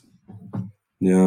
Jo, piemēram, Parker Jacksona kārtrēt uh, eksperiments izgāzās, bet es teiktu, ka šorts ir bijis cita dimensija. Šorts, tad, teiksim, ja mēs skatāmies, cik augstas spēlētājs spēlē, tad es teiktu, ka šorts arī, neraugoties to, ka viņš samērā maziņš, viņš tomēr spēlē augstāk nekā Parker Jacksons kārtrēts. Parker Jacksons kārtrēts reāli, nu, teiksim, līdzīgi kā Uvis Helmans, vairāk tā kā pa grīdu darbojās tikai vienkārši tā kā Uvim. Partneri, tā diviem- teikt, jā. Parteri, jā, Uvim bija virs diviem metriem, Parkeram Jacksonam kārtrētam, ja nemaldos, 1,70 m. Un Parkers Džeksons kārtreiz nav vēl īsāks par Tīģa Šorts. Nu, ir, jā, bet es saku, viņš tas, ka šorts, piemēram, tas, tas pustālais pull-ups, viņš ir ļoti augstā lēcienā met ar tādu aizturītu. Nu, viņš, teiksim, ļoti labi, manuprāt, darbojas ar to, ar to savu augumu. Bet, spēlē, teiksim, arī otrajā stāvā.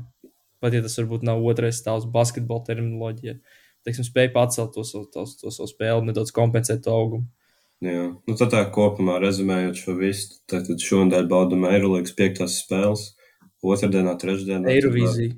Eirovīzija otrdienā, ceturtdienā, sestdienā. Tiem, kam ārzemju numuri, tie balsojumi par Asadinu Lietas.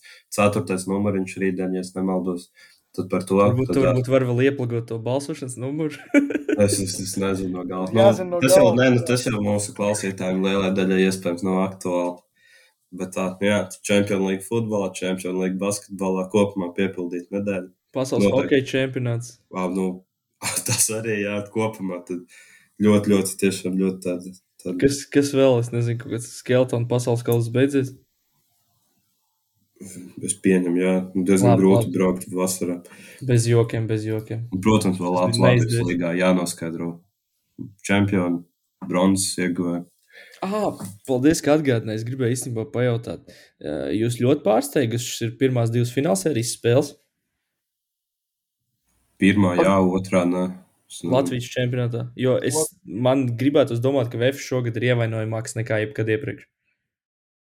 Kaut kā varbūt īsumā varam kaut kādas savas domiņas, kas, Es, kas es jums ir. piekrītu, ka Ventspilim ir, uh, Ventspilī ir labākas cerības nekā iepriekšējos divos gados, ka šogad tā kā, kaut kāda tas komandas ir līdzvērtīgāks, un vēl es uzskatu, ka Lienards Jaunzems ir ļoti nenovērtēts. Tā, nu, ne, nu, viņi novērtē, bet viņš ir tā kā vēl labāks nekā izskatās, un viņš ir liels tā kā faktors Ventspils veiksmē. Un es domāju, ka Vefs tāpat uzvarēs, cer, uh, uzvarēs sēriju, bet uh, Ventspilī ir varianti aizķerties katrā spēlē. Varētu būt septiņas spēles. Diez vai, Es bet šaubos. tas nav arī nereāli. Nu, tev vienkārši bonus tas, ka VFM jūs naudas, cik viņam ir rotācijā septiņi spēlētāji. Nu, tur nav, nav, nav pats plašākais soliņš, ko varētu gribēt. Un tur var būt. Man liekas, Ventspilī nav daudz vairāk, bet ir nedaudz vairāk spēlētāju. Un ilgā sērijā tas varbūt var palīdzēt. Tur, piemēram, tagad no pusfināla sērijas sācis spridzināt ir Matīs Kulčkovskis, kurš, kurš sezonā varbūt nu, īpaši neizcēlās. Viņam, teiksim, atrodas uh, kaut kāda tāda džeki. Bet labi, par to varbūt tad vairāk kaut kad, kādā citā epizodē. Nu, tagad, kad beigsies Eirolīga, tad būs vairāk, vairāk laika. Varbūt būs Citam zināms liekam. čempions, varbūt nē. Vienīgais, kas man, varbūt, kas man varbūt drusku nepatīk, ir tas, ka tas spēles ir kaut kāda nedēļas pauze. Jā, tur man liekas, četras dienas tur spēlē. Tur diezgan, diezgan nesaprotam šit. Ceļošana, tāpēc, ka citādāks formāts pa vienai spēlēji ceļo Eirolandā. Labi, kur tu ceļo, tev ir divu, divu stundu autobusu brauciens, to par ceļošanu. Tad diez, diezgan sarežģīti nosaukt. Tā Varētu- tāda varētu- atšķirība. Varētu vēl iepīt argumentu, kas ir dzirdēts tikai Vēnspilī, kā viņi paši uzskata, ka viņi ir citā laika joslā. Ah, Tas arī, jā, tur arī taisnība. taisnība. Labi, tad uz šīs pozitīvās nots varam arī beigt. Turpinam, tad skatāmies arī šīs spēles un uh, tiekamies jau gan jau pēc kādas nedēļas. Jā, Čau! paldies Jā, visiem. čau, paldies, ka klausieties!